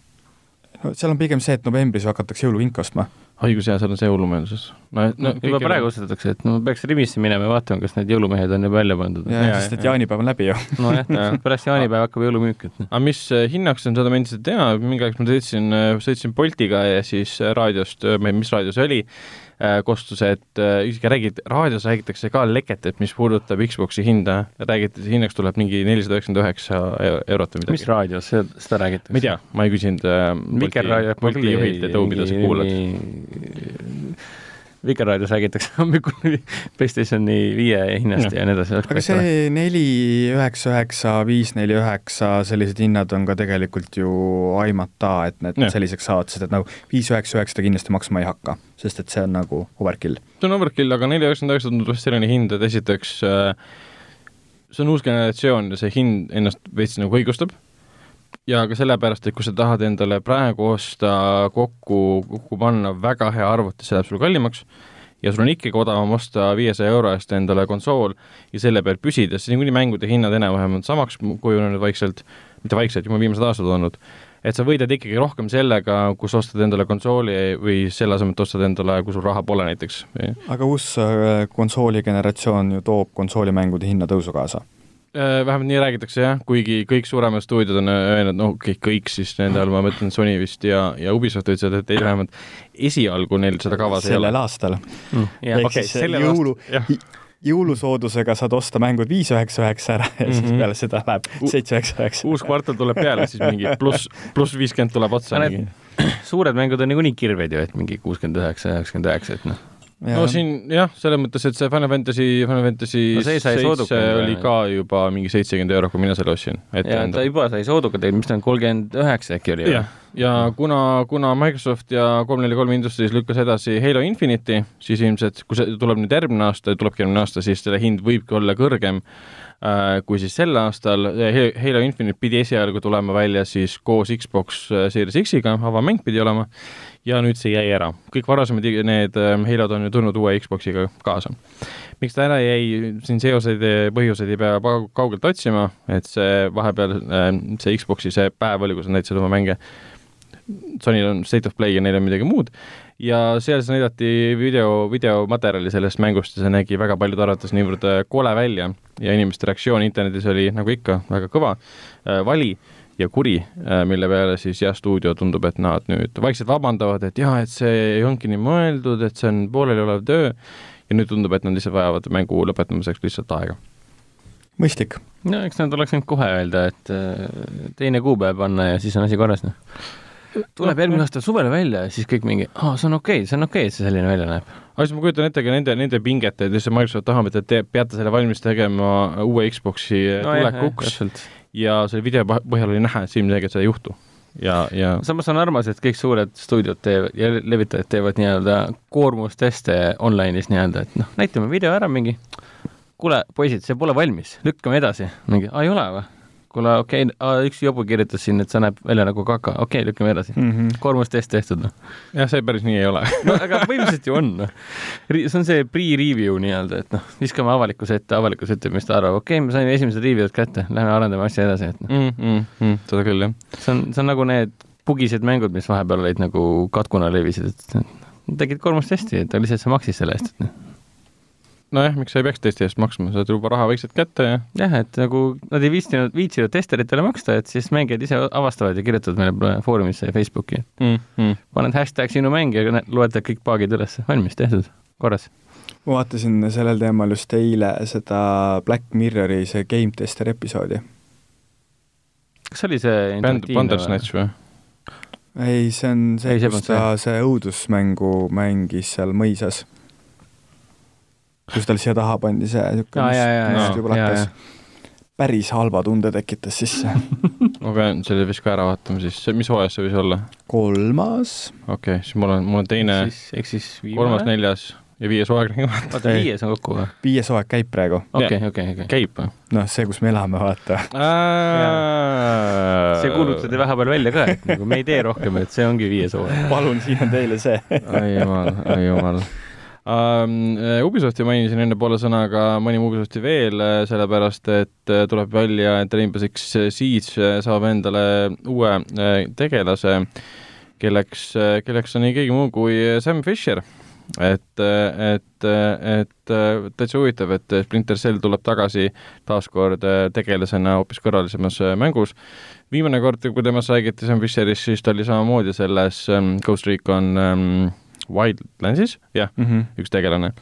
ja seal tuleme siis Operation Shadow Legacy, kellest siis kuueteistkümnendal augustil saab rohkem äh, teada. viimati, kui me rääkisime Splinter Cellist, me rääkisime sellepärast, et ähm, kas seriaal Netflix hakkab tegema animeseriaali? anime, animaaseriaal. animeseriaali, täpselt, jah. või oli anime, igatahes ta oli animeeritud seriaal. Ma ei tea, kas me see nüüd oli kõige suurem üllatus. minu maailmad lähevad nüüd kokku, ma nüüd ei tea, kas me rääkisime sellest äh, teises tasemes või Kinevei podcast'is. ma arvan, et te rääkisite mõlemast sellest. see võib olla no ka make sense et videomäng on üks ja sama, et jah, et seal oli ka see, et jäi mulje, et võib-olla Ubisoft, kui Netflix teeb koostööd, siis äh, vihjab sellele, et on tulemas äh, no aga full, full siin mäng. äh, tulevadki ju viited, et tulebki full mäng. ma küll tahaks mängida. noh, Rainbow Six Siege'is mängid Sam Fisherina, nii. Iseenesest ta nagu tegelasena sobib küll sellesse mängu väga, väga hästi. nojah, selles mõttes äh, ta on ju, ta on ju nagu ninja, ta on nagu hiili ja, aga keegi ei mängi minu arust ju Rainbow Six Siege'i nagu nii, nagu Sam Fisher, Sam Fisherile mängisid tema mängudes. nojah, Sam Fisher istub kuskil pimedas ja killib inimesi, et noh. äkki tulevad uued map'id, mis on kõik kottpimedad ja ongi, sa peadki nägema ööpillidega mingi. kuradi, ma ei tea, palju seal ühe mässis inimesi on? kaksteist? Ja siis on see, et äh, kõik kaksteist on Sam Fisherid ja kõik kobavad üksteist pimeduses. ei, seal vist ei saa. ei, ma tean jaa, jaa, Rainbow Six ei saa, sa, kui sa võtad ühe ära, siis teised topelt ei saa võtta. või see on siis, on äh, üksteist versus üks. sest ta on lihtsalt nii OP, et noh. kuule, võiks olla küll tõesti. jah. aga, aga Andri, kas sa Dirt, Dirt seeriat mängid? Äh, jaa, väga palju mängin. aga kas sa oled väga kurb, teades, et Dirt viis lükati nädala aja võrra edasi, Teades, et, äh, oktoobri peale? Dirt numbriga on äh, nii-öelda arkaadi versioon sellest mängust, siis ma pigem, pigem mul on ükskõik sellest. oota, Dirt numbriga on arkaadi versioon selles mängus? ei no sul on vaata Dirt Rally, mis on siis nagu simulaator ja siis Dirt, Dirt kolm, Dirt neli, Dirt viis on ju siis arkaadid olnud Jaa. kõik. et siis vahepeal meil oli niisugune Dirt Showdowni nimeline mäng, et nad on kõik niisugused pigem nagu meelelahutusele orienteeritud ja kusjuures minu jaoks on hästi u- üllatav, mida Codemasters teeb, nad tegelikult nagu jõhkralt lüpsavad Mhm. või nagu selles mõttes, et nagu vahepeal tuli see äh, Creed välja onju Mhm. ja noh, kuidagi nagu autosport ja Nad nagu tulevad ja nagu sa unustad nad sama kiiresti ära, et näiteks ma ostsin omale Creed'i, et oh, ma saan mängida, ma just korra panin ta käima omale ja siis ta nagu kuidagi nagu kui seal on see arkaadi element on sees, siis Codemastersi mängud on kõik täpselt samasugused. et ma väga, ma ootan, mida nad nüüd tegema hakkavad, kui see WRC litsents nendeni jõuab jälle mm. -hmm. ilmselt sealt esimene, teine WRC mäng tulevad väga head, aga siis ma olen enam kui kindel, kuna neil on kohustus hakata iga aasta uut tegema, siis sealt muutub selliseks samasuguseks lüpsilehmaks see võib juhtuda küll, jah. vaadates seda, et Codemasters siin ostab teisi stuudioid ka kokku endale, et nende mängudest teha ka omakorda seeriat, siis äh, raske on näha, et midagi väga erilist on tulemas, aga võib-olla tõesti, kui vahepeal pole midagi erilist tulnud, siis nüüd tuuakse jälle üks särav, särav täht taevasse, et siis jälle edasi minna tavapärase, tavapärase mm -hmm. rütmiga minul see Dirt viit ei ole usku mm. -hmm. seal ta pigem, pigem toh-, toogu äh, Dirt Rally kaks punkt null ja mingeid uusi, uusi mäppe juurde mm. -hmm. Jaa, ei mina, mina Dirt viite kindlasti ei mängi, viimast, viimati ma mängisin Dirti siis, kui see tuli PlayStation äh, nelja plussi tasuta versioon, Dirt Rally vist või? Dirt Rally kaks punkt null tuli siin hiljuti, jah. aa ah, jaa, siis mängisin ühe, ühe sõidu ja siis mõtlesin, et ei kusjuures mulle Dirt Rallyt äh, meeldib väga mängida. see on väga-väga lahe. ma saan sellest täiesti aru, need on head mängud, aga lihtsalt ma, ma ei ole nende mängija mm. selle koha pealt. Äh, ma hindasin koheselt seda, kuidas ta välja nägi, kuidas sellega sõitmine oli, kõik see, aga lihtsalt ma ei me Hendrikuga ei ole lihtsalt seda tüüpi, kes mängivad no äh, puldiga ma ei viitsiks seda elu sees mängida pigem ikkagi siis no, rooliga okay., rooliga korralik käsipidur, käigukangid, asjad. kunagi tahaks ikka nagu õi-, õigesti ka kunagi mängida neid. ma korra olen proovinud, aga ma sõitsin kohe vastu seina ja ma ei osanud tagurdada minu, minu kokkuvõte. ehk siis, kui ma lõpuks endale juhiload saan, siis on minu esimene asi, mis ma teen, sõidan vastu seina. see on, see on nagu RDO-s kogu aeg, varastad kaariku ära ja lähed pullima kuskil linna peal, ajad inimesele ja kuidas perset ma tagurdasin? ja lõpuks sa sõidad sisse kuskile, siis mingi äh,, mida? kuidas ma tagurdan äh,? Ma ei tea, klõpsi, ma ei mäleta, kes seda tegelikult sa pead R2 all hoidma, aga kuna mäng ei reageeri sellele koheselt, siis sul jääb mulje, et see nupp ei tööta. jah. ja sa tükk aega, aga tegelikult noh, igatahes see võtab aega sellepärast, et see on kaarikus alati on see, et abandon ship, ma siis vastu seina, et midagi, midagi enam teha ei saa, et Uh, liigume edasi, me rääkisime Last of Usist uh, siin, et Hendrik on seda mänginud ja, ja et Andrei ei ole mänginud uh,. siin on tulemas nüüd sellel, sellel nädalal uus update kuhu tuleb siis permadeath, mis tähendab, et kui sa saad surma, siis sa oled surnud ja pead nullist uuesti alustama. aga sinna tulevad ikka igasugused huvitavad asjad, sinna tuleb siis ka grounded mode, mis oli mm -hmm. see esimese Last of Us'i kõige raskem raskusaste üldse, eh, kus üldse vahendeid absoluutselt ei ole. aga mida seekord muudetakse, on see no on ikka vahendid, aga neid on väga ekstreemselt vähe no,. jah, selle, selles mõttes küll jah, aga ta pole nii Plus nagu pluss ei ole seda kuulamis äh, eestikeelsed sõnad listen mode võetakse ära sult ja, ja okay, sul on, vaenlased on raskemad äm,, see, ämmad jah laskemoon on vähem ja, ja, ja, ja mm, üldse need craft imismaterjali on vähem ja kõik see ja haad on hoopis kitsam, et sa ei näe, kõiki asju ei saa näha seal äh,. küll aga tuleb juurde ka siuksed huvitavad asjad, kuidas neid ametlikult nimetati? Modifierid. ehk siis eesti keeles Instagrami filtrid jah, filtrid tulevad juurde okay.. see on nagu, see on õudne, ma, ma, ma saan aru, et need on täpselt niisugused asjad, et sa korra vaata klikid need läbi, aga sa elu sees ei mängi mängu nende ja. filtritega. sest et vaata, kui seal äh, State of Play's näidati Crash Bandicooti mm, -hmm. see samamoodi, ja nüüd sa saad kogeda mm -hmm. mängu ka peegelpildis ja Instagrami filtritega, et põhimõtteliselt nagu täpselt samad asjad tulevad siis äh, Last of Us'i. ja see oli Uncharted neljas juba tegelikult olemas. nojah, see peegelpilt võib isegi huvitav olla, aga nojah. sa ei hakka sellepärast nüüd uuesti seda mängima, et mm, mängin peegelpildis läbi. äkki võtaks nagu. kätte jah, prooviks järjest lihtsalt läbi et.... ongi pigem, sa võtad ühe chapter'i ette, teed ühe encounter'i läbi no,. mingi viis minti annab igale, igale, igale modifikatsioonile. aga tundus küll äge, et sa muudad erinevaid värve, kuidas ta välja näeb, pluss sa said muuta mängu nagu retromänguks, et ta on nii-öelda piksliline. aga see ei, see ei ole põhjus, miks sa seda uuesti mängima hakkad. Nagu. ma kujutan, kindlasti keegi kuskil hakkab läbi mängima pikslise graafika teda, puhtalt sellepärast, et sa, et ta saab seda teha. rääkides hästi palju enne sellest äh, fotomoodist, et nagu sa võib fotomoodile juurde anda mm. -hmm aga nagu mängule see ei anna mitte midagi juurde. ei, mis mängule annab pigem juurde need äh, uued asjad, mis puudutavad craft imist, et sa saad sinna peale panna endale näiteks äh, infinite ammo äh, ja infinite nagu graphic, graphic ähm, craft imisvahendid põhimõtteliselt mis tähendab seda, et sa võid mängida permadeath'iga, sa võid mängida, sa võid mängida siis äh, grounded mode'is, aga sa võid peale panna niimoodi, et sul on kõik asjad saad endale ära teha Äh, sul on kõik kuulid olemas ja seda probleemi nagu pole. see on niisugune petmine ju. aga tegelikult ei ole. isegi siis, kui sul kõik vahendid olemas, see mäng on piisavalt raske, et sa võid surma saada. aga permadeath, mis see siis tegelikult tähendab, et mis saad surma ja Ei no- ei, seda küll. aga kas ma saan siis valida, millise, millise raskusastmega ma mängin ka seda? tavaliselt Permadeath on kõige raskema raskusastmega. okei okay,, see on niikuinii Grounded'is siis kõrgemal, et päris nii nagu- pole, et valid, valid Permadeathi ja ma valin, mängin easy'ga või et no vaata päris nii pole. Diablos on niisugune asi nagu hardcore mode on ju, mis on siis kõige raskem raskusaste, aga sa sured ära ja sul on kõik kohe läbi. okei, ehk siis, et see põhimõtteliselt see ongi nagu nendele kõige, kõige ähm, rohkem sellistele inimestele, kellel päriselt elu ei ole ja siis, et mm, mängi mängu, kus sul ka elusid ei ole mm. kuule, aga see avab äh, nii mõnegi uue akna minu elus, kui ma lõpuks mängu läbi saan. samas päris fun, kus ma tahaksin mängida nagu totaalselt easy mode'i peal, kus on permadeath. et esimest ma tegin vist, ma ei tea, easy või medium'iga, et ma- see on rohkem nagu story põhi, põhi, põhi, põhisust äh, nautisin, aga teist ma mängiks küll uuesti, aga ma ei teagi, kas minna kohe nii retsiks, et paned perma peale või? Kuigi õnneks ma lugesin siin, et äh, vähemalt üks allikas oli VG kakskümmend neli, kakssada nelikümmend seitse, kakskümmend seitse, et, et päris nii pole, et kui sa oled kuskil äh, teises päevas seal Last of Us kahes, et Mhm. päris nii pole, et sa saad surma ja that's it.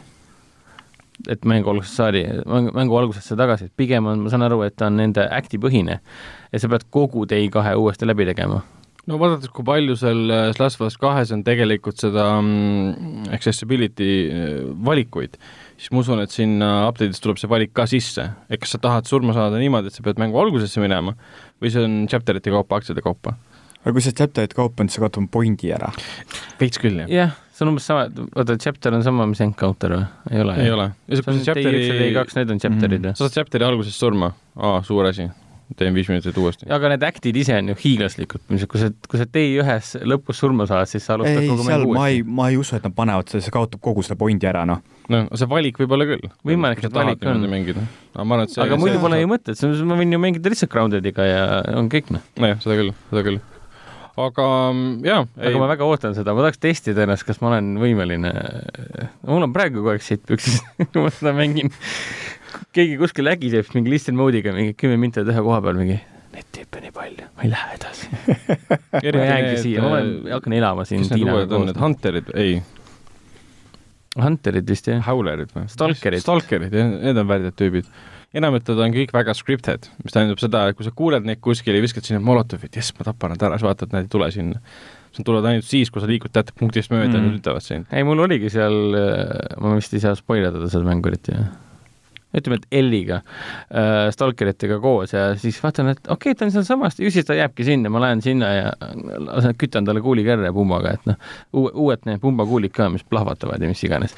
Lähen välja mingi, tüüp on kadunud, mingi selja tagant mingi, fuck, fuck you noh. siis ma olen kohe närvis, ta peab see fotomood peale, mingi issand jumal, ma ei saa hakkama noh. sa lähed välja susitama kuskile akna peale ja käsi väriseb noh. kas tahad, tahad me,, tahad meile öelda ka, et miks sul mäng pooleli jäi ja mis koha juures sa pooleli oled või? noh, ma ei jäta pooleli sellepärast, et raske oli, aga see on see, Um, ma ei saa spoilerdada tegelikult. üks raske, kõik, kes on mänginud, teavad, et selles seal on äh, üks, üks, üks raske moment, mis seostub ühe, ühe raske momendiga. Ühe raske, raske asjaga, jaa, täpselt., asi on raske. jah. See on nagu telliskivi on näiteks. ühesõnaga kokkuvõttes kiiresti siis Hendrik tegi seda korda, seda kohta mingi sada viiskümmend tuhat korda ja sai aru, et on täielik noob ja ei oska. ei, ma mängisin Mediumiga ja sain neli korda surma, mingi fuck you noh. Läksin ja vaatasin kuradi Kiibu enda Age of Wonder Beast'i teist hooaega hoopis noh. see on hea koht, kus nagu pooleli jääd, et sul tuleb kuue kuu pärast tagasi, et ah, peaks lõpuni mängima, paned tööle mingi kurat, ma olen selle koha juures, fuck. ehk siis pane easy peale, kui liiga raske on, siis lihtsalt easy'ga läheb väga kiiresti see koht. jah, ma vist, vist, eks ma näis. jah, räägime, räägime veel edasilükkamistest, et selgus, et äh, Vampire, Vampire the Masquerade Bloodlines kaks, mis pidi tulema juba kaks tuhat vamp-, vampir või? Vamp-, Vampire, kuidas sa hääldad seda? Vampire, ma kuulsin nagu vampire vampiiria. Vampire. Vampire the Masquerade Bloodlines kaks, mis pidi siis välja tulema ka esialgu kaks tuhat üheksateist, siis pidi see aasta, nüüd tuleb kuskil aastal kaks tuhat kakskümmend üks välja. no see on täpselt selline kultusmäng, mida need inimesed, kes seda mängu ootavad, need ootavad äh, kas või see, kui ta tuleb kaks tuhat kolmkümmend välja, noh. et ses mõttes, et ta on nagu, ta on mis mul selle mängu puhul kõige suurem hirm on see, et ta on nagu algusest peale nii kultusmäng olnud ja nii nišimäng olnud, et kui nad tahavad sellest kommertsjama teha, siis, siis see saab olema õudne. jah, noh, ma ei tea, need klipid ja need äh, gameplay videod, mis ma olen vaadanud, tundub äge, aga võib-olla minu viimased kogemused vampiirimängudega on olnud nii kehvad, et ma kuidagi tunne, tunne, tegelikult mitte kehvad, aga huvitavad pigem siis. see Don't Know'di see vampiir. haige vampiir, jah, see oli päris okei okay aga Bloodlines äh, sellega seeriaga mina kursis nagu mina väiksena mängisin seda, et tal olid hästi lahedaid mehaanikaid kasutatud, mida teistes mängudes mm -hmm. ei mhm. olnud, alla see mingi, kus sul on vaja süüa, siis sa sööd rotti, aga see sul teeb tegelikult enesetunde halvemaks, aga saad vähemalt kõhu täis ja mingeid selliseid nagu äh,, nagu lahedaid mehaanikaid oli seal kasutatud, mida tollel ajal teistes mängudes ei olnud ja ta hästi, minu meelest oli niisuguse esimese teos eksi sarnane mm. -hmm et niisugune omas niisugust nagu hästi niisugust sarnast, sarnast niisugust kultusmängu retro vibe'i. ta oli siis, kuidas nüüd öelda, uudne mäng, mille uusi, uudseid elemente tegelikult on väga palju muudes mängudes ka. ei no põhimõtteliselt nad olid nagu omal ajal lihtsalt hästi niisugused teerajajad, mis on nagu nüüdseks niisuguse, niisuguste rollimängude mm. alustaladeks muutunud, mida siis nemad tegelikult nagu lõid. jah, muidugi väga raske on sellele nagu järgi tulla uue mänguga ja teha midagi uuest, uuesti taolist asja. täpselt, ja siis sa lähedki seda kommertsteed ja siis sa toodad mingit jama, noh. ja siis võib-olla see ongi põhjus, miks nad edasi lükkavad, vaatad, et me loota, teeme mingid asjad siiralt. uuemaks ja tõestame, et me oleme ikka, ma ei tea, kas see on sama stuudio või mitte, Hard Labs äh,. tegijad on küll samad. tegijad vähemalt samad, okei okay.. Vampiirimänge vist üldse vähe tegelikult ju nagu.... no see Don't Don't oma oli, kunagi oli mingi Dark või The Dark, mis oli kohutav saas. see oli ikka kohutav, jah. ja siis on vahepeal olnud, noh, Castlevania põhimõtteliselt on vampiirimäng, aga noh, ega ta päriselt vampiirimäng pole selle mõttes. aga vaata mingi, ma ei tea, kolmanda isiku vaates vampiirimängu a la mingi Second Sun'i stiilis või? et nad ju reaalselt nagu lendad ringi ja ronid kuskil nagu mingi Catwoman seal kuskil äh, Batman'i mängudes. ei tule ette, millest sa räägid ei, ma mõtlengi, et eh, kas sellist ei, ei ole kuskilt võtta, et nagu jumala äge oleks ju nagu, ma kujutan ette seda Delsin Rovina, et noh, võimed on ju tegelikult üsna sarnased, okei okay,, mitte päris sarnased, aga no lennuvõime ja kõik sellised mm. võiksid ju sarnased olla ju vampiirivõimetele, et mm. ronid mööda seinu ja põgened päikse käest ja see Dark oli, et sa sai mööda seinu ronida, aga see kõik nii, no see oli krepp, ärme räägi sellest rohkem uh,. vampiir on viimase aja parim selle koha pealt, vampiirimäng uh,. puht sellepärast, et seal on nii huvitavad need uh, süsteemid inimestega suhtlemisel, mis valikuid sa teed, kas sa tapad või ei tapa ja kõik see okay. ja, ja erinevad sündmused toimuvad tänu sellele, mis valikud sa teed ja kõik see. Don't Know'd on nii käest ära läinud, need toodavad mänge nagu ma ei tea mida, et aa oh, jaa, nii tuleb ju nüüd see Tell me why transmehe mäng äh, Tell me why transnaise transmehe ja transnaise mäng vist oli. jah, ja siis neil tuleb ju see see Mirror something, Twin, Twin Mirror, mirror., jah ja Mega Life is Strange kolmas hooaeg vist ei ole tulemas. jaa, et nad ikka said, äh, nad ei, õnneks ei teinud Deltali, et mingi ja läbi, kõik mm, -hmm. tehke keegi lõpuni, et noh, jah. mul aga... Deltalist nii kahju, ma aeg-ajalt ikka seal olid nagu muud põhjused ja miks nad tõstsid yeah. püsti. aga mul on aeg-ajalt nii, nii kahju, kord päevas tuleb meelde, et ah, fucking Deltal oli nii asi. sul on vist väga igav elu kord päevas tuleb meelde, ah, töö juures jah, töö juures kõige kiiremal momendil, sa klikid mingi. Teil, teil. et see, see hetk, kui sa saad aru, et Hendrik nagu vaatab kaugusesse ja siis nagu niisugune mõtlik pilk on ja siis no aa, ta mõtleb Deltalist mm. -hmm, täpselt, jaa, ma olen kontoris tuntud selle poolest, ma mõtlen ainult Deltali peale oh,. nii, aga räägime aga siis kõige paremast mängust, mis kunagi tehtud. vanastuse mõttes kord päevas äh, Alan Wake'i peale, et tahaks veel Alan Wake'i mängida.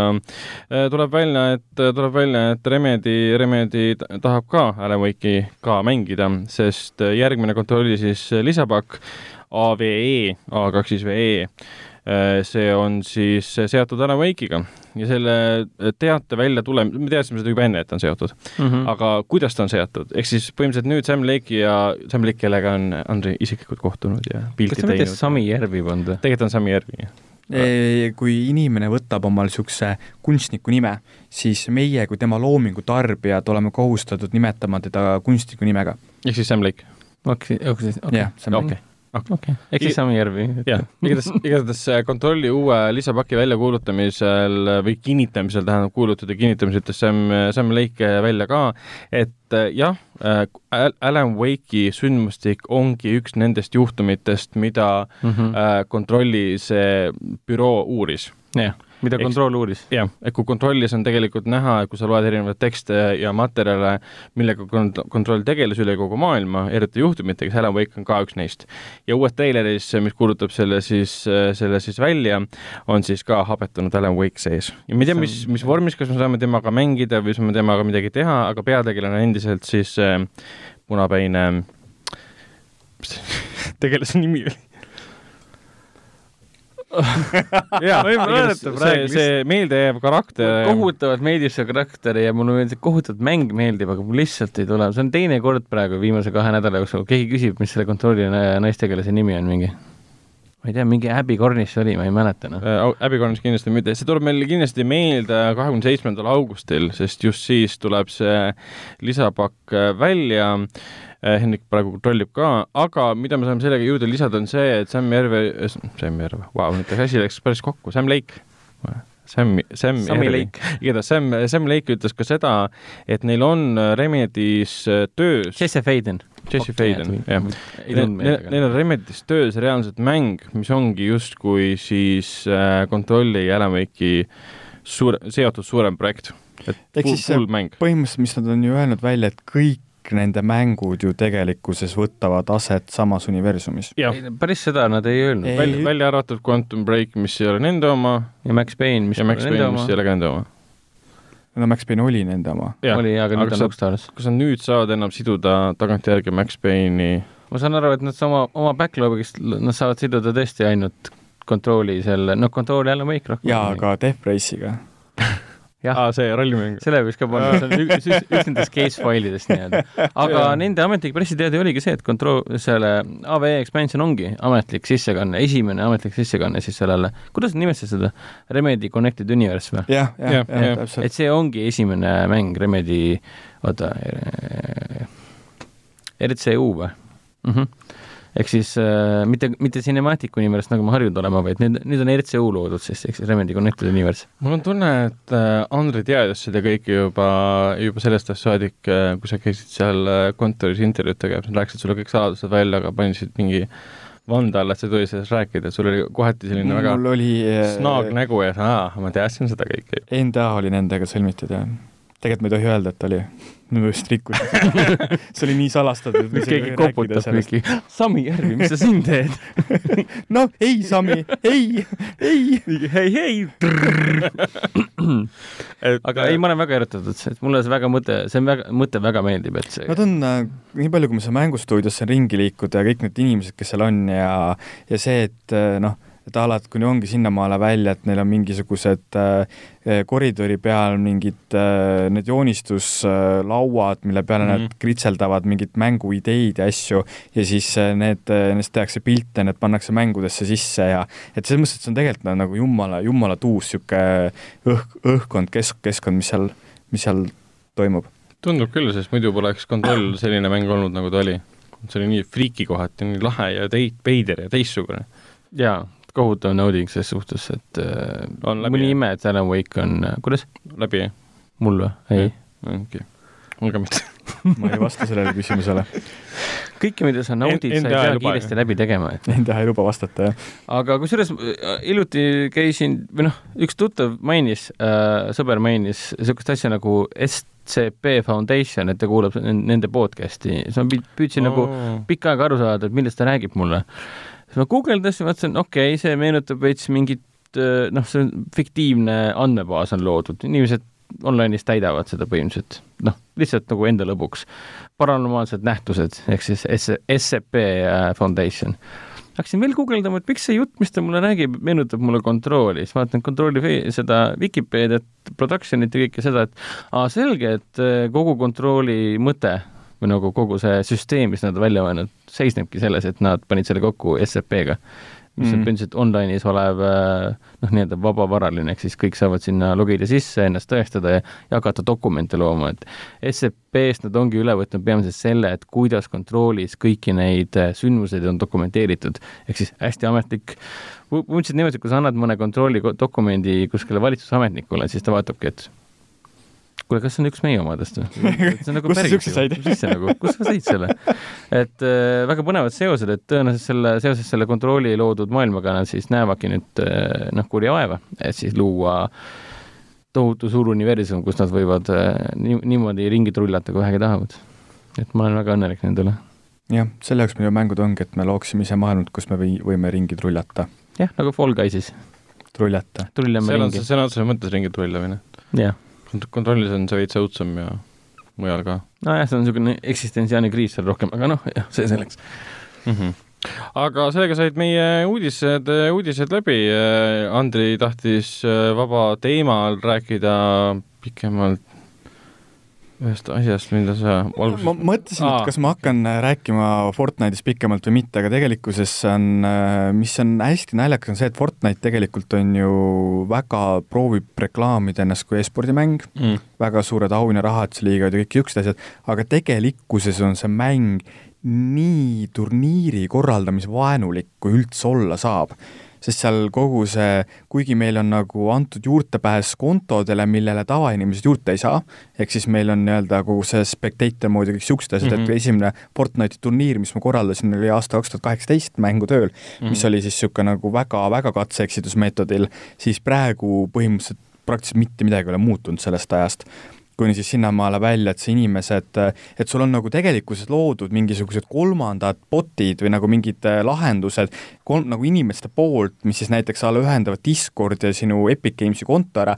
mis siis tegelikkuses võiks natukene niisuguseid turniiride korraldamist mugavamaks teha mm, -hmm. aga reaalsuses see on ikkagist nagu nii kasutajasõbralik ja mis siis on ikkagi see sihtrühm, on niisugused äh, äh, ma siis nimetan neid noorteks kes äh, pole veel äh, hakanud mõistma, kuidas maailm töötab ja et maailm ei tiirle ümber nende.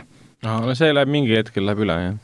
No tavaliselt see juhtub peale niisugust nagu teismeiga, et sa põed selle tiinek, et see tiineka elu ongi siis see, kus sa nagu see maailma valu on ju, et sul jõuab kohale see, et tegelikult, et äh, sa ei ole päike on ju, et maailm, universum ei tiirle ümber sinu ja siis sa nii-öelda saad, noh, kes saab, kes ei saa, on ju, saad nii-öelda selliseks normaalseks ühis-, ühiskondlikuks osaks. aga me räägime nagu Fortnite'i klassikaline mäng on ikkagi niisugune, kelle, kelle ümber veel maailm tiirleb, kelle Mhm. meelest see toimub nii. Need on siis inimesed nagu- kes ei ole aru saanud, et, et universumit äh, ei, huvita äh, tema olemasolu.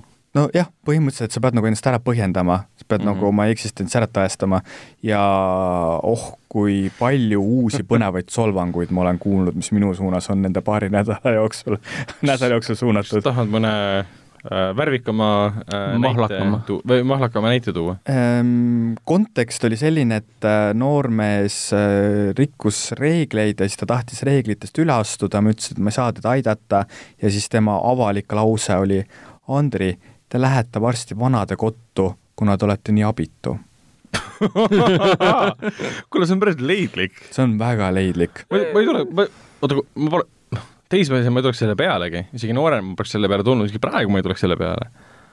Et vana inimene on jah abitu, tuleb vanadekottu ja Andrei, vau, see on nagu, see on, see on see, see on see hetk, kus sa saad aru, et sa oled kolmkümmend ja sa tegeled mängudega, sa pole oma elus midagi saavutanud ja siis öeldakse, kuule, et vaata, sinu aeg hakkab varsti otsa saama ja sa oled vanadekokku, aa, see vanadekokku. on väga äh, võimas solvang, sellepärast et noor inimene näeb sind juba vana inimesena. jaa, jaa, et ma olen onu tema jaoks ju vaata, nagu me mäletame, et oli sa väiksem tal öelda. isa eest olla põhimõtteliselt jah, aga see on nagu need hetked, kus vaata sina ju, sa oled ikka veel oma hingelt noor ja sa ei taha öelda, et tegelikult sul nagu sünniaastast on möödas kolmkümmend aastat ja siis nagu mm.. sa lähed varsti vanadekottu. nojah, nagu meil vennaga, et keegi mainib, et kuule, mis te siis kolmekümnendal sünnipäeval teete, oota, mida?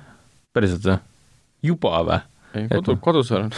vaata, vaata kella pealt, mingi videomänge mängin, tahad, tahad ka tulla või Red Dead Online'i? siis, kui ma sündisin, Fall Guys tõenäoliselt, hästi elatud elu olen. õhtul kodus, võtan ühe ronksu veini ja lähen magama kell üheksa. et selles mõttes, et kogu see Fortnite'i turniiri korraldamine on nagu väga-väga õpetlik olnud selles kontekstis, et kui te tahate kogeda maailma kõige paremat turvaseksi reklaami, siis eh, korra, korraldage Fortnite'i, Fortnite'i turniiri.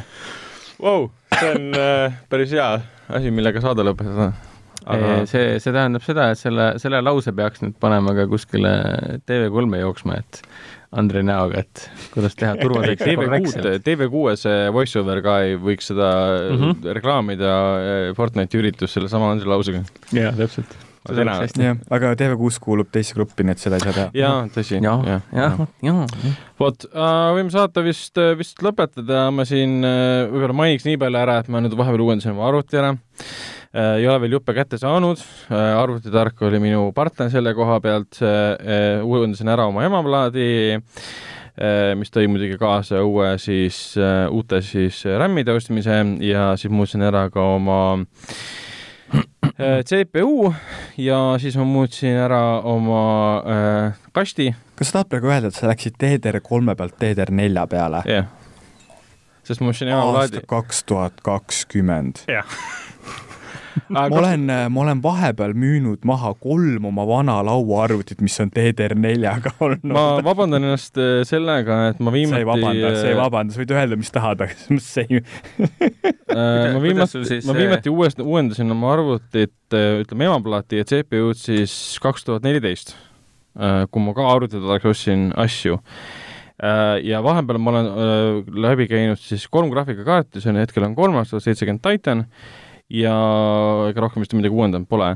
et vanasti oli mul aastani, siis selle aastani oli mul Astrock H kaheksakümmend seitse M Pro neli emaplaat, mis on mingi ilgelt vana ja nüüd ma ostsin endale Asus Prime C kolmkümmend, kolm üheksa null A. mida, mis iganes see ütleb. aga põhiline küsimus, kas sa läksid äh, Inteli protsessori või AMD protsessori peale? äh, Intel, Inteli, okei okay., Intel- äh, miks selline otsus? sest mul, ma olen kogu aeg Inteli peal olnud. enne oli mul, ma võin seeria öelda ka, enne oli mul äh, äh, Inteli i5 neli tuhat viissada seitsekümmend, kolm koma kaks gigahertsi, Mhm. mis aastal kaks tuhat neliteist oli vist juba okei okay.. vana. no tegelikult jah okei,, jah, jah, okei okay,, vana. ja nüüd ma võtsin siis Intel Core'i seitse üheksasada, üheksasada seitsesada K. kusjuures, kui mina peaksin nüüd omale arvutivahetust tegema, mida ma ilmselt nüüd lähimate aastate jooksul ei pea tegema, sest ma viimased kaks aastat ehitan samat arvutit, siis ma ilmselt mõtleksin juba tegelikult äh, Ryzeni peale. aga mm. -hmm. lihtsalt just seesama põhjus, miks ma ju tegelikult ei ole seda teinud, on see, et, et oled terve elu Inteli peal olnud aga nagu kuuldes ja lugedes, mida nagu AMD ja Ryzen teevad ja kui paigal seisab Intel, see on tegelikult ikka nagu vastik, noh. nojah, no näed, sa tegid vale otsuse praegu. ei ma tegin selle mugavuse otsuse, Mm. seda maailma ma tunnen oluliselt äh, paremini, isegi mitte seda maailma nii hästi, aga ma tunnen ennast nagu selle koha pealt paremini, et ma, et ma vähemalt olen kursis sellega.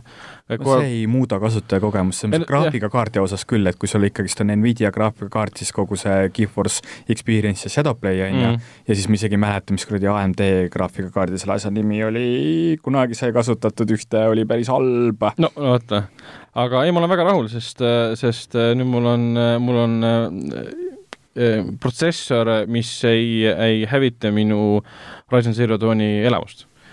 ja pluss mul sõber, kes on äh, väga võimas ähm, selle koha pealt, mis puudutab arvutite uuendamist, ütles ka, et kui midagi praegu ostad ja tahad tulevikus pikalt, et oleks, siis osta äh, üheksa tuhat seitsesada äh, ka i7, sest äh, seda ei pea tükk aega vahetama ostsin suure juraka jahuti ka sellele, et siis pidin ostma muidugi suurema siis, suurema siis äh, ka, kasti ka, mis on selline äh, pealt äh, no, läbipaistev nii-öelda materjal ja külgedelt läbipaistev materjal, nüüd ma saan sinna igasuguseid trinketeid ja värki panna, hakkab blink-blink nagu see läbipaistev. Andri kontoriarvuti punane või?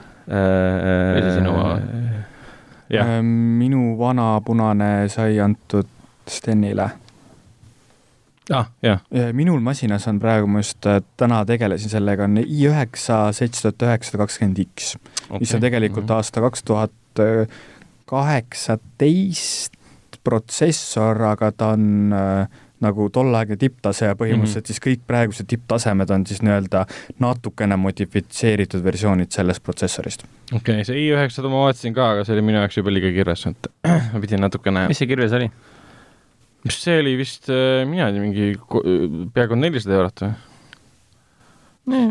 mina võtsin ikka oluliselt odavamalt, sest ma lihtsalt ühe, ühe hetkel oli see, et ma tahaks nagu parimat, aga et äh, tahaks leiba osta. kuule, aga mul on teile ainult üks sõna. Tenet. Tenet. ah,. mõtlesin, et aitäh, lähme ära. ei, ei, saad aru, see on, see on Teneti referents, kui ma ütlen, et mul on teile ainult üks sõna, siis vastus on Tenet. ehk siis Tenet läks müüki ju. On teil Jah. piletid olemas või? Äh, minul on Teneti piletid ostetud kahekümne kuuenda öösel äh, kell null null null üks, üks minut pärast keskööd ja siis on ostetud sama päeva õhtuks kell kuus.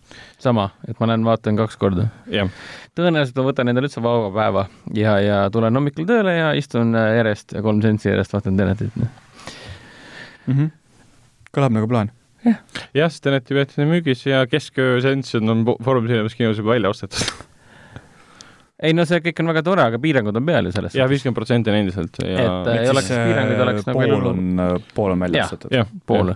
ehk siis teie suur saal on see haavab südant kogu aeg, kui keegi Ei, ütleb, et jah. noh, saal on täis välja müüdud või mingi jaa on jah, tegelikult mingi ei ole. jah, ei no aga Tenet pole enne kinos, kui ta on kinos, sest ta on nii pikalt edasi lükatud. mul on siiamaani tunne, et see lükatakse kahekümne viiendal augustil Warner Brothers annab teada, kuule, me lükkame kuu aega edasi mingi ah,. palju, palju õnne teile piletite tagasiostmisel, mida on ostetud ette vi- viis tuhat.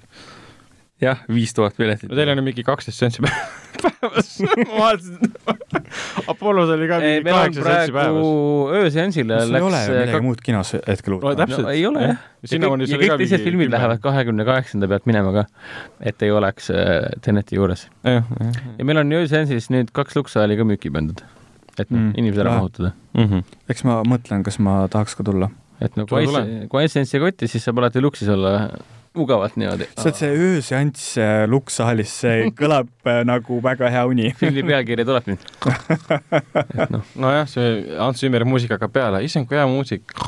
et ma usun, et see võib juhtuda küll ja tegelikult. siis äh, millegipärast on nii-öelda see lõpu, see algusmuusika, lõputiitrite muusika on täpselt sama, vaata, ja siis sul on tunne, et nagu midagi oleks ka vahepeal muutunud. ja siis mingi lõputiitri ajal ärkad üles, mingi issand jumal. sihuke film, päris on, on, on ju öeldud, et film on nagu uni, et noh, ärkad üles ja kuule, see vist lõpeb samamoodi nagu see algas. No ma vaatasin filmi ära päris hea oli. jah, pärast saad teada, see ei toimunudki nii või mm.. vot, jah, No, aga siis äh, loeme saate saateks jah, aitäh ja, ja näeme juba järgmisel korral, kus on vist siis Sten ka. ei usu enne, kui ise näed. jah Jah. ja., et aga Sten, Sten oli on nagu Candyman, et sa pead kolm korda peeglisse vaatama ja ütlema, too nime. Sten Sten., ei, see oli viis korda oli. kolm korda. Candymanis oli viis. kolm korda, ma just vaatasin seda treilerit. Ma vaatasin just esimese filmi ära. seal oli viis. kurat, seal oli viis vist. see, mis see kaheksakümnendate lõpus või? üheksakümmend kaks. üheksakümmend kaks, jah. kaks, okei okay.. seal oli Candyman, Candyman. ei, sul on vist õigus, ikka viis. vist. Mary oli kolm või? Vladimir oli kolm ei. ole. Igatahes- Sten, Sten, kolm Sten kuni, viis Sten, korda. Sten.